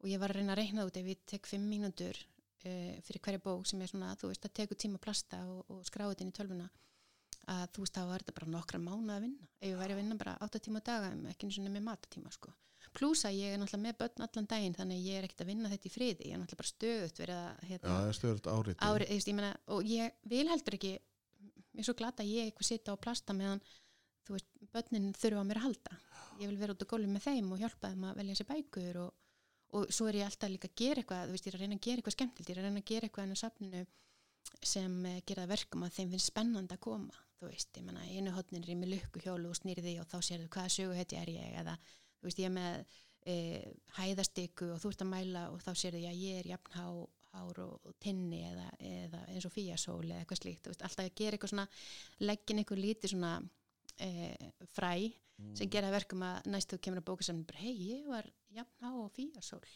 Þá hérna, og nú sé ég þessa bók, kannski langar mig að lesa hana, þannig ég er alltaf að reyna að gera eitthvað svona. Og hérna, og ég fæ alveg bara svona ég er svo mikið hugmyndum sem ég næ ekki að framkama, mér finnst eins og ég ná að framkama kannski þrjú brostæðum þannig að hérna, að því að þú veist, og þetta, og þetta þessi, þetta eina pennastrygg sem var gert að leggja niður skóla svona miðstöð uh, hafði svo óbúðslega mikil áhrif á mitt, mitt starf, veist til eins verra að ég, veist þarf allt innu núna að vera að plasta bækur í staðin fyrir að gera það sem að mér finnst vera mikilvægt Já. En þú nefndir áðan líka hérna svona fyrst þegar þú varst að byrja þegar að, þú allt í hennu kom bara heil bekkur af, af einhverjum úrlingum og þau átt að velja sér kjörbók. Og það er náttúrulega og þú svona í krafti hérna klókinda sástu að, að, að eins og þú sagðir að, að það var verið að velja svona þunnubækurnar og það voru 20 bókstaf eða þú veist 200 orð eða eitthvað svona sko. Hvað hva, hérna sko þetta líka þú veist ég meina er þá hugsunin kannski að eina sem að því að þú getur útskýrt svo af hverju eða hvað þú gerðir sko til þess að fá krakkana veist að velja eftir áhuga sviði eða svona vekja mhm. áhuga. Sko er hugsunin aftur af því að kennarar eru víst ofurmenni dagsins í dag. Þau, kennarar eiga að geta gert allt og það er alveg sama hvað það er. Þau eiga að Mhm. hvetja þetta og þetta og þetta og tala við þetta. Veist, það er bara sko alveg ótrúlegt að, að nokkur vilji vera kennari því þetta er með ólíkindum hvað kennari er mikið lagt á herðar kennara. Já, sem að er náttúrulega þetta er bara mikilvægast að starfi heimi. Algjörlega. En algjörlega bara sett í ruslflokk launa. Mm. eins og okkur allra sem er að vinna með fólki. En hérna sko þegar að, að, sko veistu hvort að það er eitthvað svona að kennarar eiga ebla, veist, hvernig eiga kennarar að ebla sko læsi eða áhuga á bókmyndum eða á sko hvar, hvar sko er ekki eitthvað svona kontrast, er ekki eitthvað svona að það er eitthvað ekki alveg samtalið er ekki þarna? Eða hvað, er ég, Sko, skilur hvað ég á við? já. að, að það er svona kennarar eiga að vera drifkafturinn en það er bara svo og svo mikið sem kennarar geta gert. Algjörlega. Sko, þú veist, ég hérna nú er ég búin að vinna á skóla sem í sjö ár. Og ég segi bara, ef við viljum efla læsi láta börnin lesa þá liggur svarið í barnabókinni. Veist, hvernig færðu bara til að lesa? Með því að lesa bók sem því finnst gaman að lesa. Skilur þú, þú, get, þú gerir það ekki neitt annan hátt og sem þýðir það að e, það er svo mikilvægt að það til nóga bókum það sem ég lendi í daglega er að það kemur barn og segir skila bók og bara, heyrðu, þetta var góð bók og maður sér alltaf inn bara, vá, hann er spenntur Ég sé. Já, og þá lendi ég því að ég á ekki aðra bók til að viðhalda e, áhugunum. Þú veist, kannski er þetta þýttbók sem er bókaflokkur, það er bara búið því að eina eða tvær og síðan seldist ekki nóg að þeim. Þannig að það er ekki búið því að þess að þá þriðju eða aðra eða, eða bókaflokkurinn er ekki, þú veist, hann er ekki til á íslensku allur. Eða þá að þú veist, þetta er ykkur ákveðin tegundabók sem er eins og dagbók Kittaklöfa sem er rosalega vinsel, sem er á ákveðin skrifa ákveðin hátt. Og hérna, og þú veist, ég er alveg því að krakkar að lesa aftur og aftur og aftur sömu bókina, þú veist, þau er ekki að þau eru bara spóla hérna í þessu hjólfari í staðan fyrir að vera með, þú veist, bara hundrað sambarilega bækur, ferði gegnum þær og þá færst upp í næsta flokk, skilur, þá ferði ég að lesa eitthvað aðeins meira, en ég næ ekki einhvern veginn að, þú veist, viðhalda þessu. Ég fæ úling sem bara loksins fann ég bók sem við, viðkomandi úling vildi lesa og hérna og svo bara, hei, áttu fleiri svona? Bara, nei, ég bara áenga fleiri. Og þann, svona bækur. Veist, við gefum út um 200 barnálingabækur ári. E, af þessum bókum þá eru kannski svona 50 bækur sem henda fyrsta til, til tíundabæk. Þú veist, 50 bækur. Ok, af þeim eru kannski svona 10 bækur fyrir úlingadeild. Af þessum 10 bókum, e, þú veist, hver er líkunar af því ef þú ert úlingur í dag að þessi einhverjum sem bók sem að, einhverjum sem bókum sem að falla þér að geði, sem pass, passa fyrir þig? Á teppin kannski tvær. Eh, hversu spennt væri þú ef þú hefur um tvær bækur að velja árlega? Skilur það er þetta sem er vandamálið. Í Svíþjóð er gefnar út 2000 bækur fyrir börn og úlinga ári. Og þetta er stóra veist, það vandar bækurnar til að gera þau spennt. Skilur það vandar, þú veist, við erum ekki nóg marga bækur til að viðhalda áhónum fyrir lestri. Og þegar þú ert með, þú veist, aðra afþrengaflokka þar sem að þú ert með óþrjótandi efni og getur bara kallað það fram með einum nappi þá náttúrulega bara, þú veist, verður bókin undir. Og ég ekki bara bókin, líka tungumálið algjörlega. Og ég menna allt þetta efni sem þú ert með, þú ert, að, þú ert í tölvuleikjum á ennsku, þú ert að horfa Netflix ekki með neinu texta nema mögulega ennskun texta. Þú ert að horfa YouTube með, veist, með ennsku tali. Og ég menna þetta er það sem sko, munurinn á þessum sjö árun sem ég byrja á bókasafninu er svakalegur. Sko, núna er ég með börn bara fullt fullt af hópum minna safni, það er bara ennska í öllum hópnum, þau bara tala sána ennsku veist, ég veit ekki hvort að fólk átt að segja á hvað þetta er að gerast hratt og hvað þetta er alveg þróun og, hérna, og það sem gerist líka er að þú veist, þau náttúrulega hérna, missa orðaforðan og þá missa þau líka áhugan á bókunum af því þau skil líka alveg. Og þess vegna er svo mikilvægt að við svona, viðhöldum, þú veist, ok, gefum út fleiri bækur sem eru það aðeins léttari veist, til þess að viðhalda áhuga þeirra og þannig náum við þeim inn veist, í, en það sem að um, þetta er svo mikilvægt og það er líka svo mikilvægt sko, vorum að tala um aðan hérna með Ænit Blæton og svona, það er svo líka svo mikilvægt að við erum ekki með eitthvað bókasnopp, skilur fólk alveg, þú veist, ég sé þið á svona, æ, þú veist, það er Facebook-hópar með vandi bækur og bókalestur og einhver svona, ég var það eins og neinn sem sagði, já, úlingssonu minn les ekki neitt og nú hann að lesa ykkur eina bók, er þið með einhverja góða bók sem að, þú veist, gera hann áhuga saman og lestur og er þið með einhverja hugmyndir? Og, fólk, fólk að bara salka valka, verður að, eða það, gamli maðurinn á hafið, þú veist, ef með eitthvað svona hugmyndir hvað fólk krakkar í að lesa, skilur við, þannig að, veist, það er líka svona ákveð svona, eða það er ekki nógu gott að vera að lesa sirpur, eða það myndasjóður eru, þú veist, þetta er ekki nógu góða bækur eða eitthvað slíkt, það er ekkert til sem að sé ekki nógu góða bækur, ef barni finnst bókin góð, þá er hún góð. Og ef þó að þessi bók sé kannski ekki endilega, þú veist, besta bókin þá mun badnið, þú veist, lesa mikið og, manneskjan lesa mikið fleiri góða bækur á lífsæfinni, skilur, í æfinni þannig að, þú veist, tóu lesir einhver eina bók sem að einhverju fullonum finnst ekki nógu góð. Þá er það svo, þú veist og, en þetta er bókin sem bad, badnið vil lesa. Þú veist, þá verður við að leifa því að lesa þá bók. Og þú veist að spyrja, þú veist, hvað geta kennararnir gert og, og hérna ég er eiginlega svona, núna það sem ég finnst ég nám sagt, mest um árangri í að gera þau spennt fyrir bókum það er eiginlega bara að lesa fyrir þau bækur kynna bækurnar og lesa þær.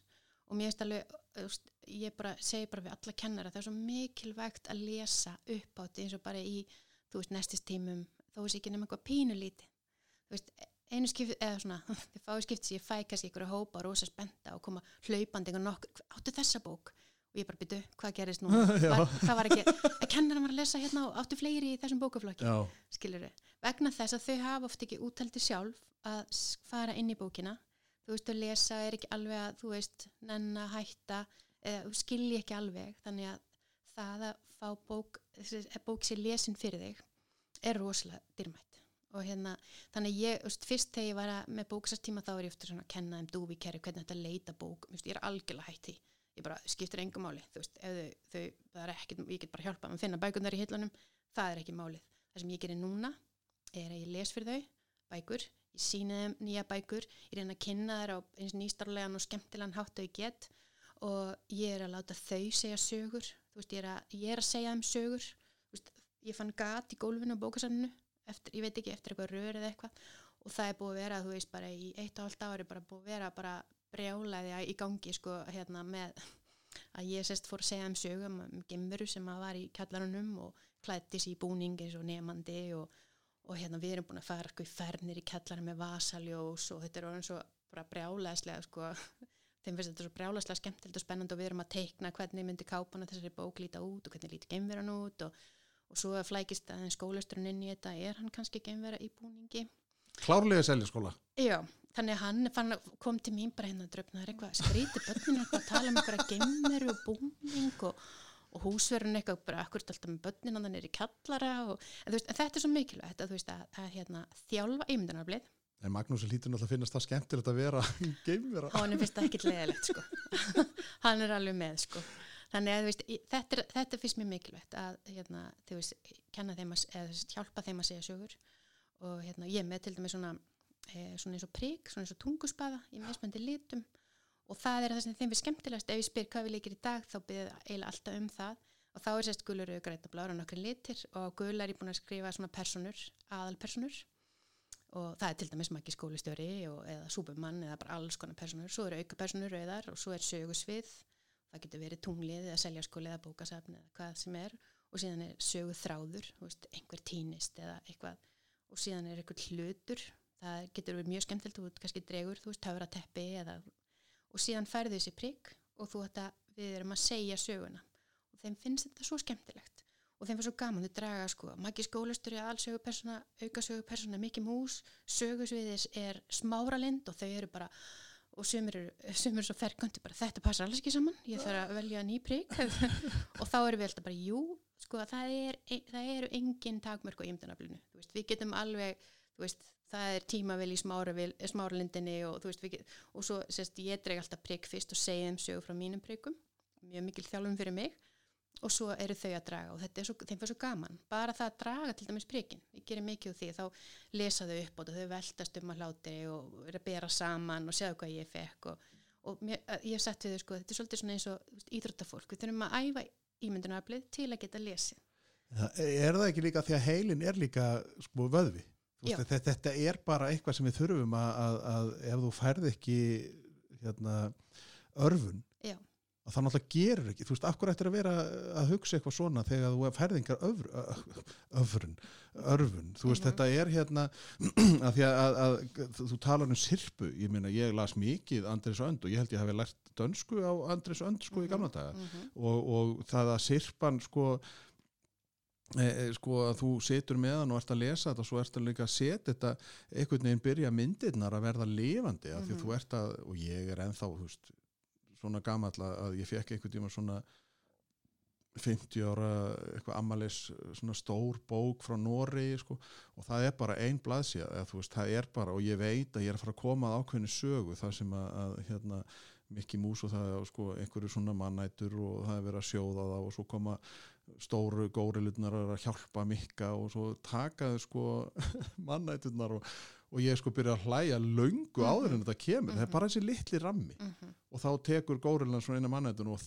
fleirinn og svona og, og hérna mannættan sko svona verður eins og sko gormast utan tri og ég er gjössanlega í kasti og ég er búin að eiga þessa bók svona í sko 30 ár og mér finnst þetta alltaf jafn sem er náttúrulega skrítið að því ég er 29 en, en ég er búin að eiga hana þú veist þetta lengi og kona mín er alltaf alveg bara já er þessi blæsja þú veist og ég er bara já veist, og ég er bara emjand að hláða því mér finnst þetta bara og svona veist, þetta er eitthvað sem að kætir mig, þú veist, þú veist spenningur, ég, ég er alveg að fara að koma að þessu blasju, ég er alveg að fara að koma að þessu þú veist, þannig að mér finnst þetta mjög fróðlegt að heyra Já, og sko- skemmtilegt að því að svo er alltaf þetta með, já nei, þetta er bara villisa Mhm. Að, að einhverjir eldri er að tróða ofan í þess vegna eins og ég ég kom inn á skrekk að, að, að mér fannst svo mikið átt að segja en þú veist, krakkar, hugsið aðeins út fyrir þú veist, heilin á ykkur er náttúrulega bara þú veist, komið með eitthvað annað, þú veist, ekki gera það sem við þið haldið að við eigið því eigið að gera. Gerið eitthvað sem að er þess vegna hefur náttúrulega oft atrið frá seljaskóla sko verið þannig, ég bara fyrir ekki hvað er í vatninu hérna í þessu breiðalti hérna sko, þetta er bara Er það ekki bara út af preikunum? Ég, það getur verið, það getur verið því að ég kom að einu og þá var bara búningarnir voru náttúrulega bara í sjálfu sér bara listaverk mm. Og það var er hann mjög- bara, já, þetta var ég. Já, mjög skemmtilegt því að ég náttúrulega, börnum mín náttúrulega gengur sérlega nú er ég reynda bara eina yngstu eftir í tíundabæk og hún var einmitt í skrekk núna og það var mjög svo gaman að fylgjast með veist, þau, þetta var algjörlega frá þeim sjálfum. Já, og, hérna, og það er, já, það bara dásalegt sko. en varandi eins og þú veist að tala með sirpuna, sko, svo eru svona kennara sem segja, eða sumir fullorni sem segja bara, veist, nú þarf þetta að hætta í sirpunum og ég menna, það er líka alveg ég sé líka alveg kannski drengi í sjöndabæk sem eru bara að taka sirpu aftur og aftur og aftur. Og auðvitað vill maður líka þau fari upp í næsta stig, skilur en þar kemur inn að, að það er ekki nómarka bækur sem mikið áhuga þeirra. Og þá, hérna og þá, þá spyrir maður sig hvernig getur maður leist þetta? Hvernig læsi í raun? Og þú veist, það er og, þú veist, og ég, ég tel mig bara vita það. Já, já, það já. er þrjú aðri, fyrsta lagi bara leggið allt fjö allt fjö sem við erum með til að efla læsi í e, barnabókahöfunda styrkjum þá e, þýð, þýðingar á barnabókum og í skólabókasöfnin e, vegna þess að það sem okkur vant ennum er 1, 2, 3 uppi 100 eru barnabækur þú veist, gefum við barnabækunar við getum látið börnin lesa þér mig vantar bækunar skilur til að viðhalda áhuga þeirra og til að gera þau spennt fyrir lestri, ég bara með allt, allt og, ég veist, ég meina, mér veist kannski ég veist að bóka, barnabóka útgáfan mettið svona 10% kannski af þörfbarna í dag. Og það sem er, málið er, þetta er svolítið skrítið þú veist, til að lesa þarftu bækur. Og bækur eru bara gefnar út af enga fyrirtækjum, þú veist, enga reiknu fyrirtækjum. Og það er svolítið skrítið að við setjum það í hendunar og setjum það ábyrð enga reikna fyrirtækja sem mann alltaf bara þurfa að veist, vera með hagnað og, og þurfa bara að reyka sitt fyrirtæki að þau bara sjá okkur fyrir öllum þeim bókum sem börnun okkur þurfa að lesa. Veist, það er bara ekkit alveg að ganga upp. Það gengur kannski upp í, veist, stórun löndum Mm. en ekki svona örþjóð með eigin tungumál. Við þurfum að koma hann inn í og hérna, og ég meina í Nóri hvað er Nóri, þú veist, 6 miljónir eða eitthvað slíkt þau líti á sig sem örþjóð með eigin tungumál og hugsa bara, veist, ef við erum ekki styrkja þennan geira, þá bara, þú veist, missum við tungumálið. Þannig að þau eru með bara kúlturáð uh, sem að, þannig að þegar kemur út barnabók eða úlingabók sem að náttúrulega bara uppfyllir ákveð skil, hún náttúrulega má ekki vera eitthvað drast, skilur, bara vennilega barnabók, þá kaupa þau 1550 eintök af þeirri bók. Þannig að bókaútgefandin veit að sama hvaða bókan gefur út, hann, mun aldrei, aldrei tapa á henni og síðan taka þeir þess að það er auka svona, það er hérna það er auk, aukalega en, en hefur líka eitthvað að segja að þeir taka síðan þessi 1550 bækur þessi intök og dreifa til allar, allar bókasafna. Þannig að bókasafnin er að fá kannski eitt, tvö svona ókipir sem er náttúrulega líka eðislegt fyrir bókasafnin. En aðalega er þetta að veist að barnabóka útgáfa er tryggð. Vegna þess að hérna kannski þýður eina bók og þú veist krakkarnir hérna veist, ég alveg sé það, kemur ný bók og þau eru ekkit annað, þú veist, ég þarf alveg virkilega komin til þeirra, ég þarf að lesa upp og svo allt innu byrjar, byrjar að lesa upp úr henni og svo allt innu finnir maður að hei, áttu þessa bók og svo byrjaðu að heyra hjá hvort öðru eða hlusta upplestur og bara þetta er gaman. Og svo allt innu verður hún rosalega vinsæl. En það kannski sýnir sér ekki í sölutölum og við erum frá fáminn þjóðu, er kannski bara örf og indök seld skiluru og, og, hérna, og bókaútkvæm sér, en ég er ekkert að fara þýðan með tvö, þetta er tíu bóka, bókaflokkur en ég menna ég er bara að tapa á þessu og svo eru börnin eftir eitt ár, það er bara komið rosa spenningu fyrir þessari bók og alltaf bara áttunum með tvö, áttunum með tvö. Og ég bara nei því miður, hún er ekki til á íslensku. Og stundum með að vera rosalega vinsalar, þá hef ég, þú veist keiftar á ennsku sem ég veist mjög erfitt að því bara þau langar svo að heyra framhaldið. Og, hérna, og þá heyri ég stundum ég segi nei, já hana ekki íslensku en já hana á ennsku, já það er alltaf bara betra segja það jafnvel. Veist, hvað er það? Mm. og hérna ef við værum með eitthvað svona kerfi eins og hérna norsku leiðina þá væri þetta ekkit vandamál. Og svo er líka þessi, að hefði hérna gefið bækur bara rétt fyrir jól. Ég meina við erum með bókaflokk svona hérna ráðgötubækur sem eru bara vel myndskreittar, spennandi, skemmtilegar mjög vinsalegar 26 bækur til á sænsku og fyrsta kom úr 2014 og síðan er þýtt einu ári. Þannig að barn sem er áttur á 2014 veist, það verður 34 ára þegar síðasta bókin mm. kemur út og þú veist og það er búið alltaf, veist, segðu Netflix kynslaðan að býða, kemur í janúar skilur bókinni, kemur nummið tvö. Já, hún kemur í desembervinnan byttu bara hérna rólega núna í veist, tíu mánuði.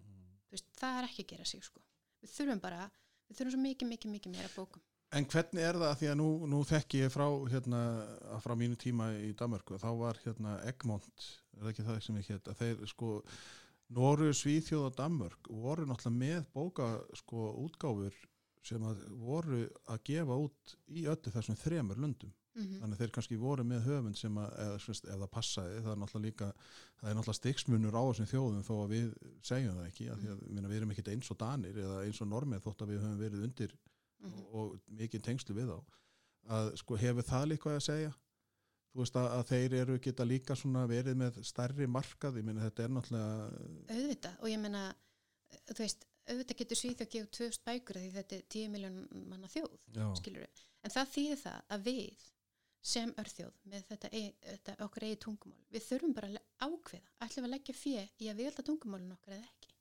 Ég meina, þú veist, ég fótt til Montreal í svona húsaskipti og hittum fjölskylduna þar og Montreal tölur franska og, hérna, og það var svo skríti og ég sé bara, hvað þetta magna það er bara, þú veist, fólki talaði alltaf ennsku, eða skilju, þú veist, það franskan var svo sterk, svo hvernig getur franskan verið svona sterk í landa sem er raunin allir tala ennsku, hvernig geta þær viðhaldið tungumálinu? Og við rættum þetta við þessi hjón sem við gerum hússkipt við og þau bara sögðu, það var bara lagt það var bara, þú veist, lagt brjálæslega mikið fyrir bara markvist í að viðhalda tungumálinu, bara allt þýtti bara frönsku, bara verður þú veist, ég menna hérna, þú sérð ekki jafnvel skilti lengur á íslensku.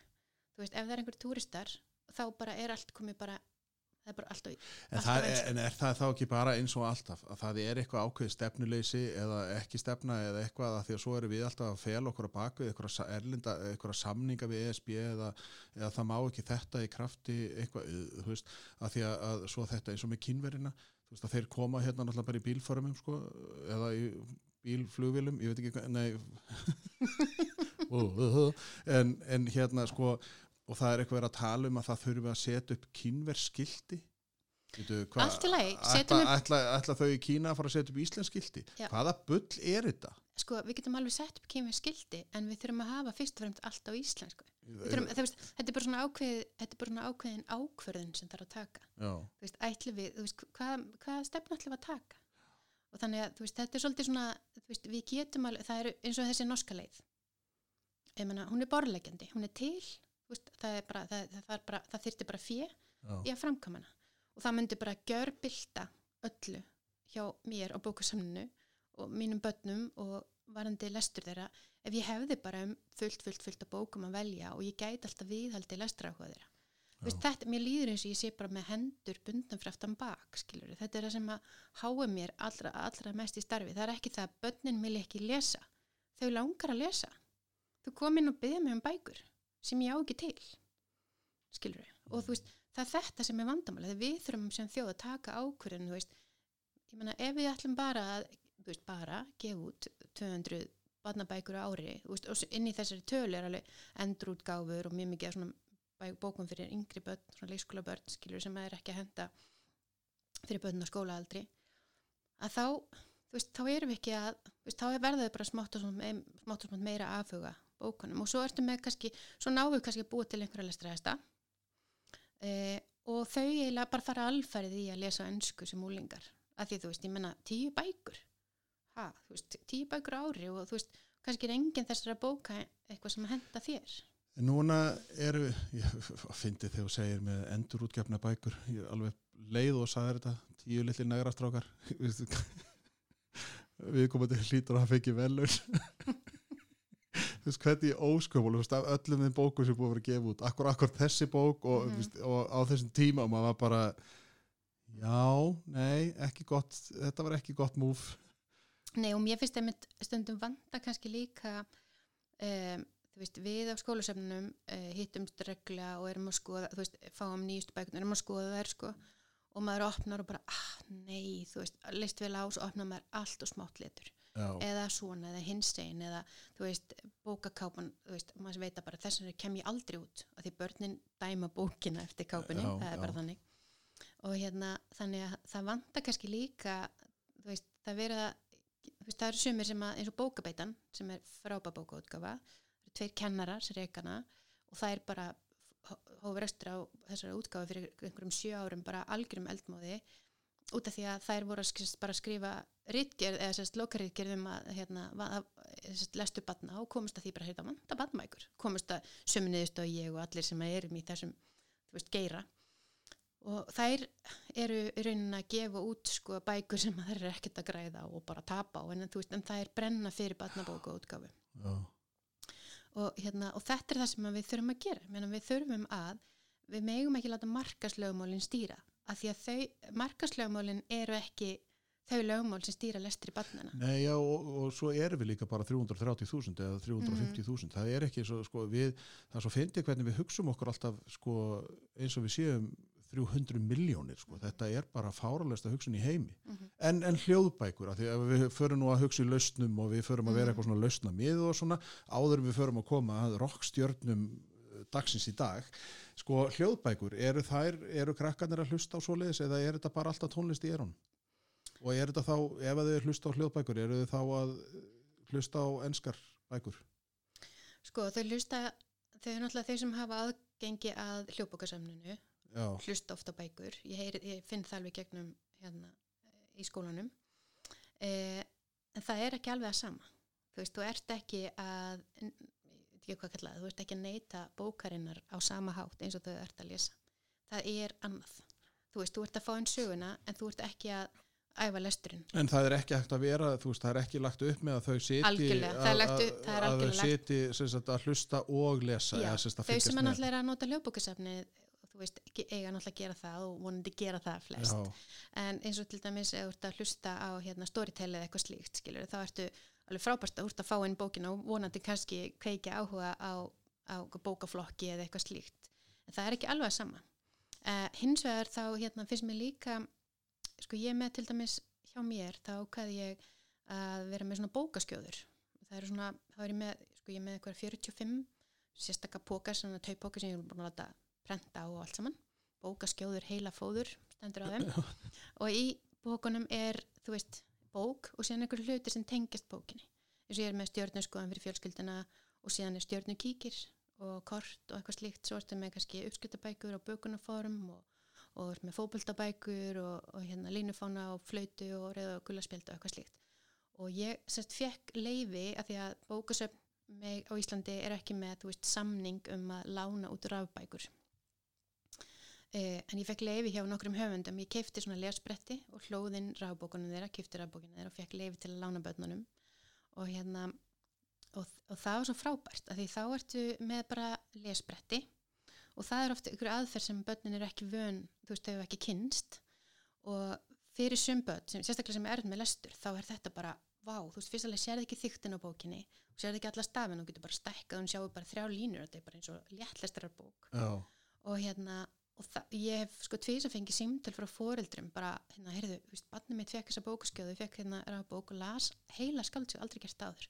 Þú er bara að segja mig frá þessu betur, hvernig virkar svona rafbækur ég þarf að kaupa svona lesbretti og eitthvað slíkt. Og það er líka eitthvað sem við þyrftum að ebla þú veist, að geta, þú veist eh, notað einhver aðra aðferð heldur en að lesa í, þú veist, pappísbók að að fyrir mörgbötn er það til dæmis alveg bara, þú veist, að og veist, þannig að það myndi líka leggja fjegi ebla það fyrir börn. Rafbókaútgáfu til dæmis. Já. En þá erum við fann að nálgast núna rockstjörnur þessa lands uh, innan bókaútgánar af því að ég er búin að tala við hann Ævar Vísindamann, ég er búin að tala við Bergrún Írisi, þú ert búin að nefna Gunnar Helga, veist, hvernig er sko, þetta hlýtur þá að vera gull í, í þínum, sko, þú hlýtur að vera bara spennt ég meina, ég segi það ekki þegar ég talaði við Ævar og hann var að tala með svo bók hann að hérna, þinn eigin tölvuleikur mm -hmm. að ég hérna hugsaði bara svona um, þú veist, bara smá, þú veist, kannski 50 blæð, svo fór ég á, ég er búin að segja þetta á þér, að, að ég fór svo nýri smáralind þegar hann var með hérna, sem sagt, Útgáfuboð. útgáðu bóð, sko.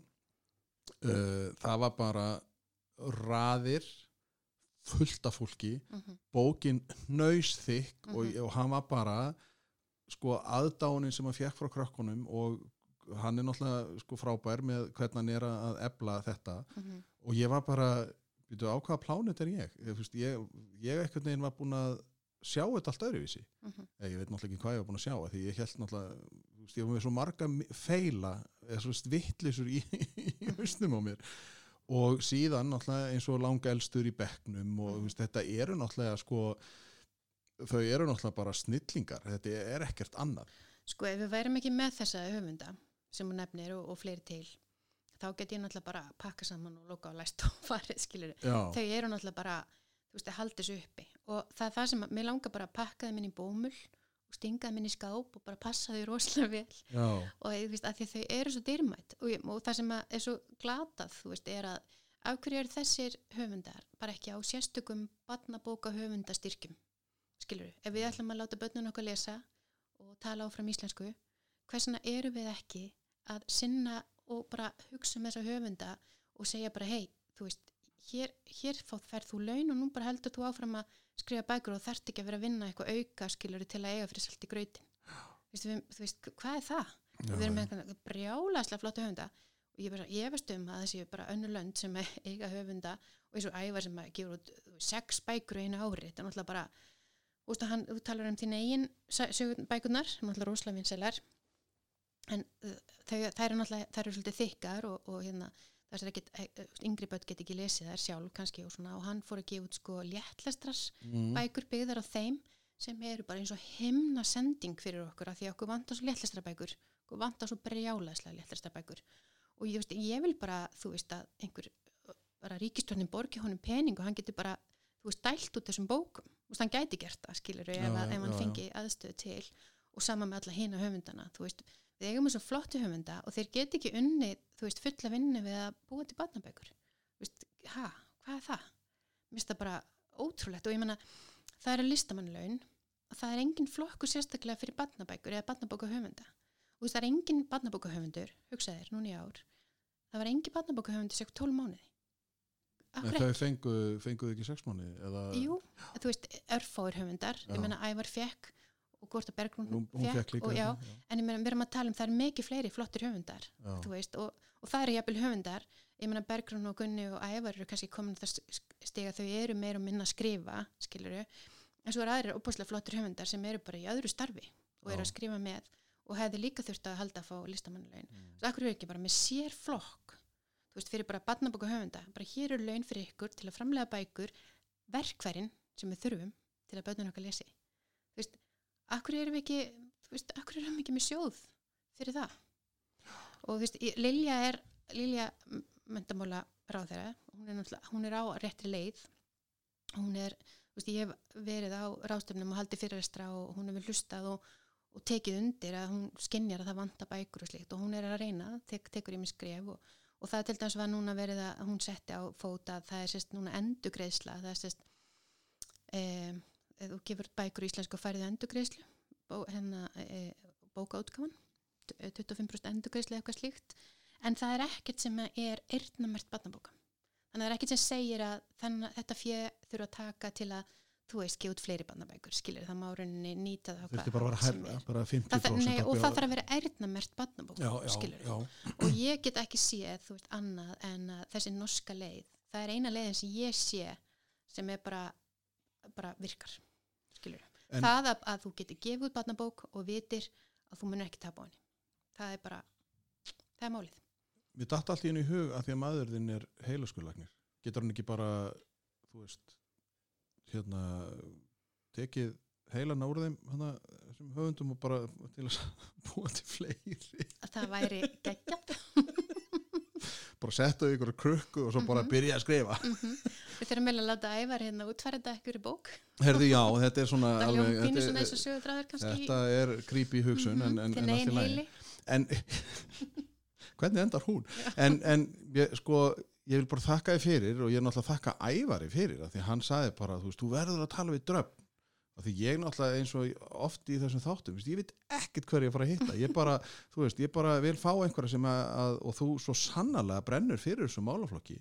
Og ég vona að þeir sem hlusta, að þeir sko bara ítiði bókunum að þeim, krökkunum. En, en þú veist, hugsiði nú kannski aðeins eins og Kim og félagar eru kannski ekki alveg að virka. Það er búið sko. Ég, þú veist, það er bara ég er 29 sko. Oh, þau minnst þetta alveg hræðilegt. Nei, en, veist, en, en jú, endum þetta á þú, að, þú verður að enda á öskudegi. Kontu nú með hérna hvað, hvað varst búin að gera á öskudegi Já. og hvað þú komst þér út. Mér finnst þetta, þetta er geðveikt og þetta er bara nú á fólk að sperra eirum og þú byrjar. Þetta er pínu erfitt að því að nú er öskutar eftir tvær vikur og ég er bara hvað á ég gera til að toppa Já, þá skulum við setja þáttin út eftir tvær, þú veist, þegar hann er að- búinn, að þannig að þú ertu búin kannski að, að fá ró og næði, en nei, seg, hvað, ég er ertu búin að hérna já, það er svona hluta því að hérna, viðleitni minni til að gera safni spennandi og skemmtilegt og, og skapa góða minningi á börnunum og, og gera þau spennt fyrir bókusefni og bókum og öllu. Og hérna, þannig að ég hef tvö ár þá var ég bókalæknir og það var hérna, eiginlega kom til bara svona, þú veist, ég var bara hana, það er öskutu hana morgun hvað ég gera? Og maðurinn minni læknir, ég bara lánaði mér hérna fötuðinn og lánaði mér hérna hlustunapípu og svo bjó ég til í tölvunni sérstaka livsela og svo sérst komu börnin inn á safnið og þar var ég sérst bókalæknis. Og það var svo fyndið að þau komin, þetta var eins og það væri að koma að byggstuðu læknis, þau bara allt hennu voru rosa hljóðlátt og byggðu alveg bara stressuð og svo sé ég ætla að hlusta á hjarta þetta og heyra hvað hjarta þetta segir varandi hvað bækur þig langar að lesa. Og þú veist á hjarta bara dum dum dum þau verður svo þessu, sko, og bara hvað hva kom út úr þessu? Jæli, já, það, þú þarfst að lesa þess að svo valdi ég sérstakka bók og skrifa því þú veist þetta, þarf að gera þetta. Já, já. lífseðilinn og hversu oft og, og þau gengu út með lífseðilinn og bókina alveg og bara já, ég ætla að lesa þreysúr á dag eins og stendur á lífseðilinn og kennarnir var bara, þau eru bara taka þetta rosalega alvarlega. Síðan hérna í fyrra ákvað ég að uh, vera gullbrá og hérna ég fór á Amazon og hérna googlaði þú veist Goldilocks Adult Costume. Mæla ekki með því sko. Það var ekki mjög margi sem að henduði fyrir grunnskóla skal ég segja þér, það var einn. Og ég sem sagt hérna pantaði hann. Og síðan hérna fór ég á bókasefnið og dró upp úr kjallaranum hérna, kjallaranum það sem geimveran er. Aha, eitthvað, þú veist, það var einhver, einhver dýnur og dót og gömul rúm og ég sést dró hérna upp hérna, þrjú rúm, mismandi stór eitt lítið og svona eins og bánsa pappi, bánsa mamma og litli, litla bánsa barnið og stóla, þrjá mismandi stóla og svo fekk ég hérna kokkin okkar til að gera grauta, eða sérst graut í þrjá skálar og svo þegar börnin komið inn þá sérst var ég búin að auðvitað að þeim ættu komið bánsa, eitt bánsa og hérna, og þau voru svo krútlega það var hérna, þau komið bánsana sína og mertu þá, svona miðum hálsinn hvað þeir hétu og hvað þau hétu og svo máttu þau byrja að máta stólana. Eitt var á harður og eitt var á mjúkur og, og potaði eins í grautana og, og svo endaði þau að velja rúm og skildu bánsan eftir. Það voru tvö sem kom í lokdags hlaupandi bara, nei ég get ekki skilja bánsan minn eftir. Tók hann aftur heim gátt ekki, ekki alveg hugsa sér Nei, að já, skilja eftir. Og síðan hérna, og ég náttúrulega tók mótið þeim í, þú veist, búninum og var gullbrá og alveg bara alveg alla leið sko. Og hérna náttúrulega búin að taka fram bækurnar um gullbrá og, og síðan hérna e, þegar þau voru farin þá hófust ævintýrin hjá Bengtsunum að þeir fóru að hérna fóru að staði nýri í tónlistastofu og prófa trommurnar og þau fóru í mötuneytið og þau fóru hérna inn á bað og letu hérna vatnir renna í vaskinn og, og ég test tók mynda þeim við alls konar aðstæður böngsunum þeirra. Og þetta var svolítið svona máli þið þurftu náttúrulega að passa að gleyma ekki neinum og gera, þú veist, passa upp á þetta er alltaf alveg, það kem ekkit baddaginn eftir og væri ekki minn inn að mynda sínu, böng, sínu bánsa já, allir fengu sérst fjórar myndir af bánsunum sínum við einhverja svona að, lesa eða gera eitthvað skemmtilegt. Svo daginn eftir komu þau alveg hoppandi spennt og þeim fannst þetta svo skemmtilegt. Þau voru bara, bánsi minn er núna búin að skipta um rúma, hann var ekki þessu rúmi. Og, og ég bara, já, hérna er bánsiðin og hér eru myndir frá ævindri, sérðu hvað hann var óþekkur? Og, og bara, og þau voru þeim fannst þetta svo sjúklega spennandi. Og hérna og það var úr fóreldri sem er bara ennþá að tala við mig, bara hvað batni er bara ennþá að tala um bánsan sem að var á bókasafninu yfir nóttu og fór að stað og hérna borðaði nammin í bítubúri og eitthvað slíkt og fannst þetta svo sjúklega skemmtilegt. Þannig að núna er öskudagur eftir tvær vikur og ég þarf að finna eitthvað skemmtilegt. Þannig að þú þarft alveg bara, það er heilin og þér er bara í, já, Já, ég er svona að byrja að hugsa um aðra eitt, ég kom eina hugmynd sko, það er, já, já. En börnin eru náttúrulega mjög spennt og bara hvað hva gerist hér á öskudag, ég bara, það kemur í ljós. þannig að, þá er bara, mér finnst þetta, þú veist, og, og þú ert að gera þetta þá bara í, væntalega er, ertu þá að gera þetta í frítímaninu, þá að, að, að taka myndir og gera og græja. Já, þarna náttúrulega sko, ég er náttúrulega bí í hverfinu þannig að þau kom alltaf til mín hérna sníkja nammi, þannig að ég var þarna í vinnunni og svo fór ég heim að gefa þeim nammi millir 5 og 7 og svo sko, fór ég í vinnunni og, og þá hóst þetta og sömum bánsar eru mjög erfiðir. Það er erfitt að láta þá sitja það var alveg heilmikið púl, þannig ég var svolítið svona fram eftir kvöldi og, og prenta allt út og svona. En það var algjörlega þess virði að því að þeim fannst þetta bara svo sjúklega En ég meina, hvað voru þetta margi bánsar? 120 bánsar Þannig að á 120 sinni fjórir Ég samt setti það í svona grúpur þannig að það voru svona fjórir, fimm saman skilur við, þannig að Já, ég veist, ég gæti ekki gert alveg það hefði verið, þú veist, ég hefði bara mist já. þannig að fór ég ekki sýnina. ég held þú væri bara að gera þetta fyrir einn og þú veist, ég bara, wow Mm. en hefur- alveg, já, það var alveg nóg að hafa sko, hérna, fjór, nokkra saman í hópi sko. En það var alltaf mikið skemmt þá gott þeir verið að spila og gera alls konar en þannig að, já, en ég, jú, jú, ég er mjög oft þarna eitthvað á kvöldinu svona, eitthvað undirbúið, eitthvað þema og eitthvað, eitthvað skemmtilegt, af því að þú veist, í rauninni, sko, mér líður þess að þyrft að vera bara þrýr á safninu mínu, þú veist, ég held að rauninni starfsemin er svolítið þannig.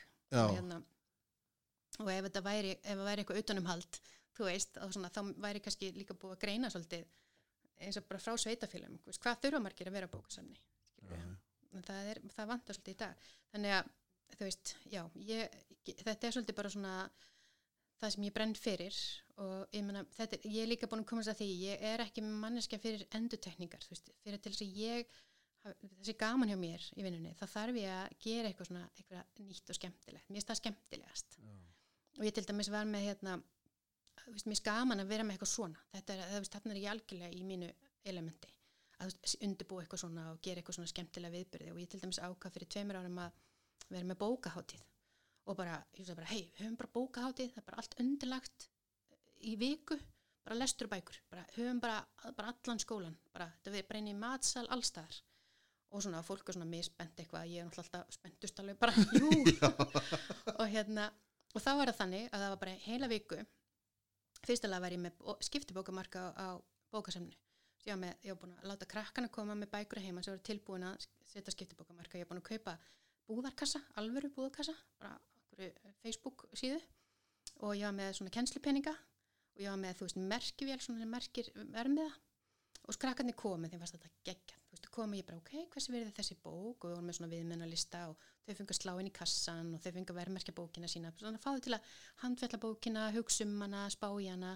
Þú veist, svo se- stilla hann upp í hillu og svo þegar bókaháttíðavikan byrjaði þá byrjaði rauninni viðskiptin. Þá voru þau búin að fá pening fyrir, þú veist, kennslupening sem var leitað þessu venlu peningur fyrir þá bók, bækur eða þá bókað þær bækur sem þau hefðu lagt inn og þá gotið þau fara að vesla sér nýja bækur. Og þau voru svo fyndin komin með peningin og voru alveg sko, já, ég er að hugsa sko, kannski kaupa þess, er þetta ekki góð fyrir fullarinn, ég ætla að kaupa hana og gefa mömmu jólagjöf og ég ætla að kaupa þessa fyrir litla sýstur eða þannig að þau voru að vesla sér bækur. Þannig að þetta, var, þetta áttu bara að vera þessa viku þetta var alveg þryggja vikna dæmi þessi bókamarkaður. Og þessa sömu viku það var líka þannig ég var með sagt, höfund á hverjum degi sem kom að lása upp, af því það er rosalestra kvætjandi, hitta höfundana.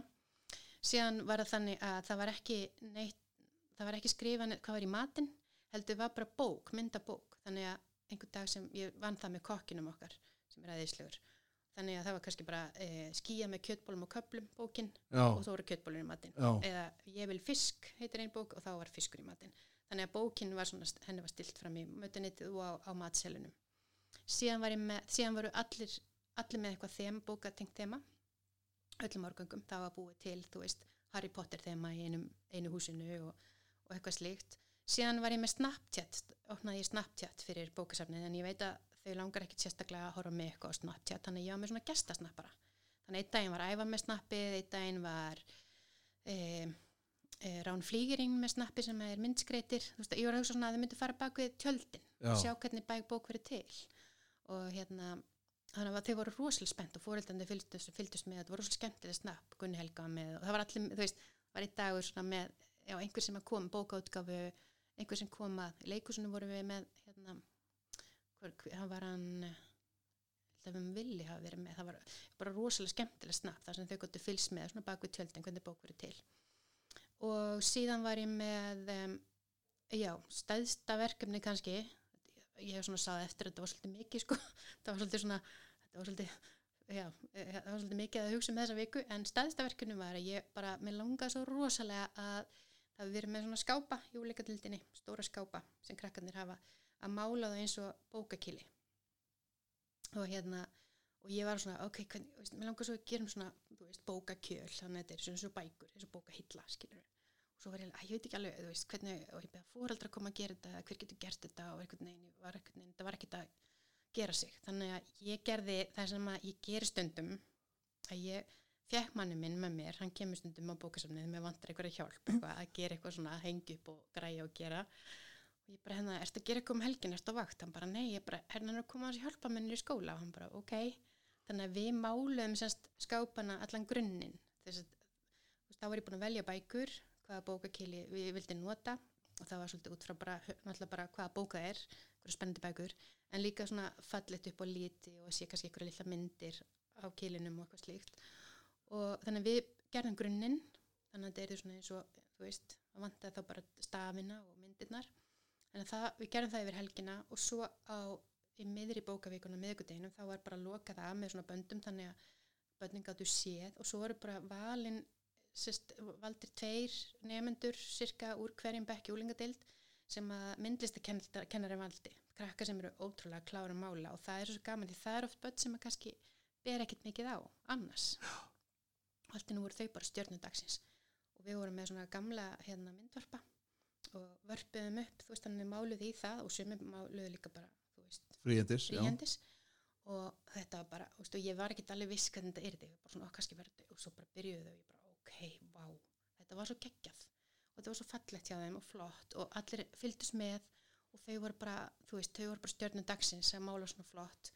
Og síðan hérna alltaf er þessi skápar bara, þú veist, príði skólans.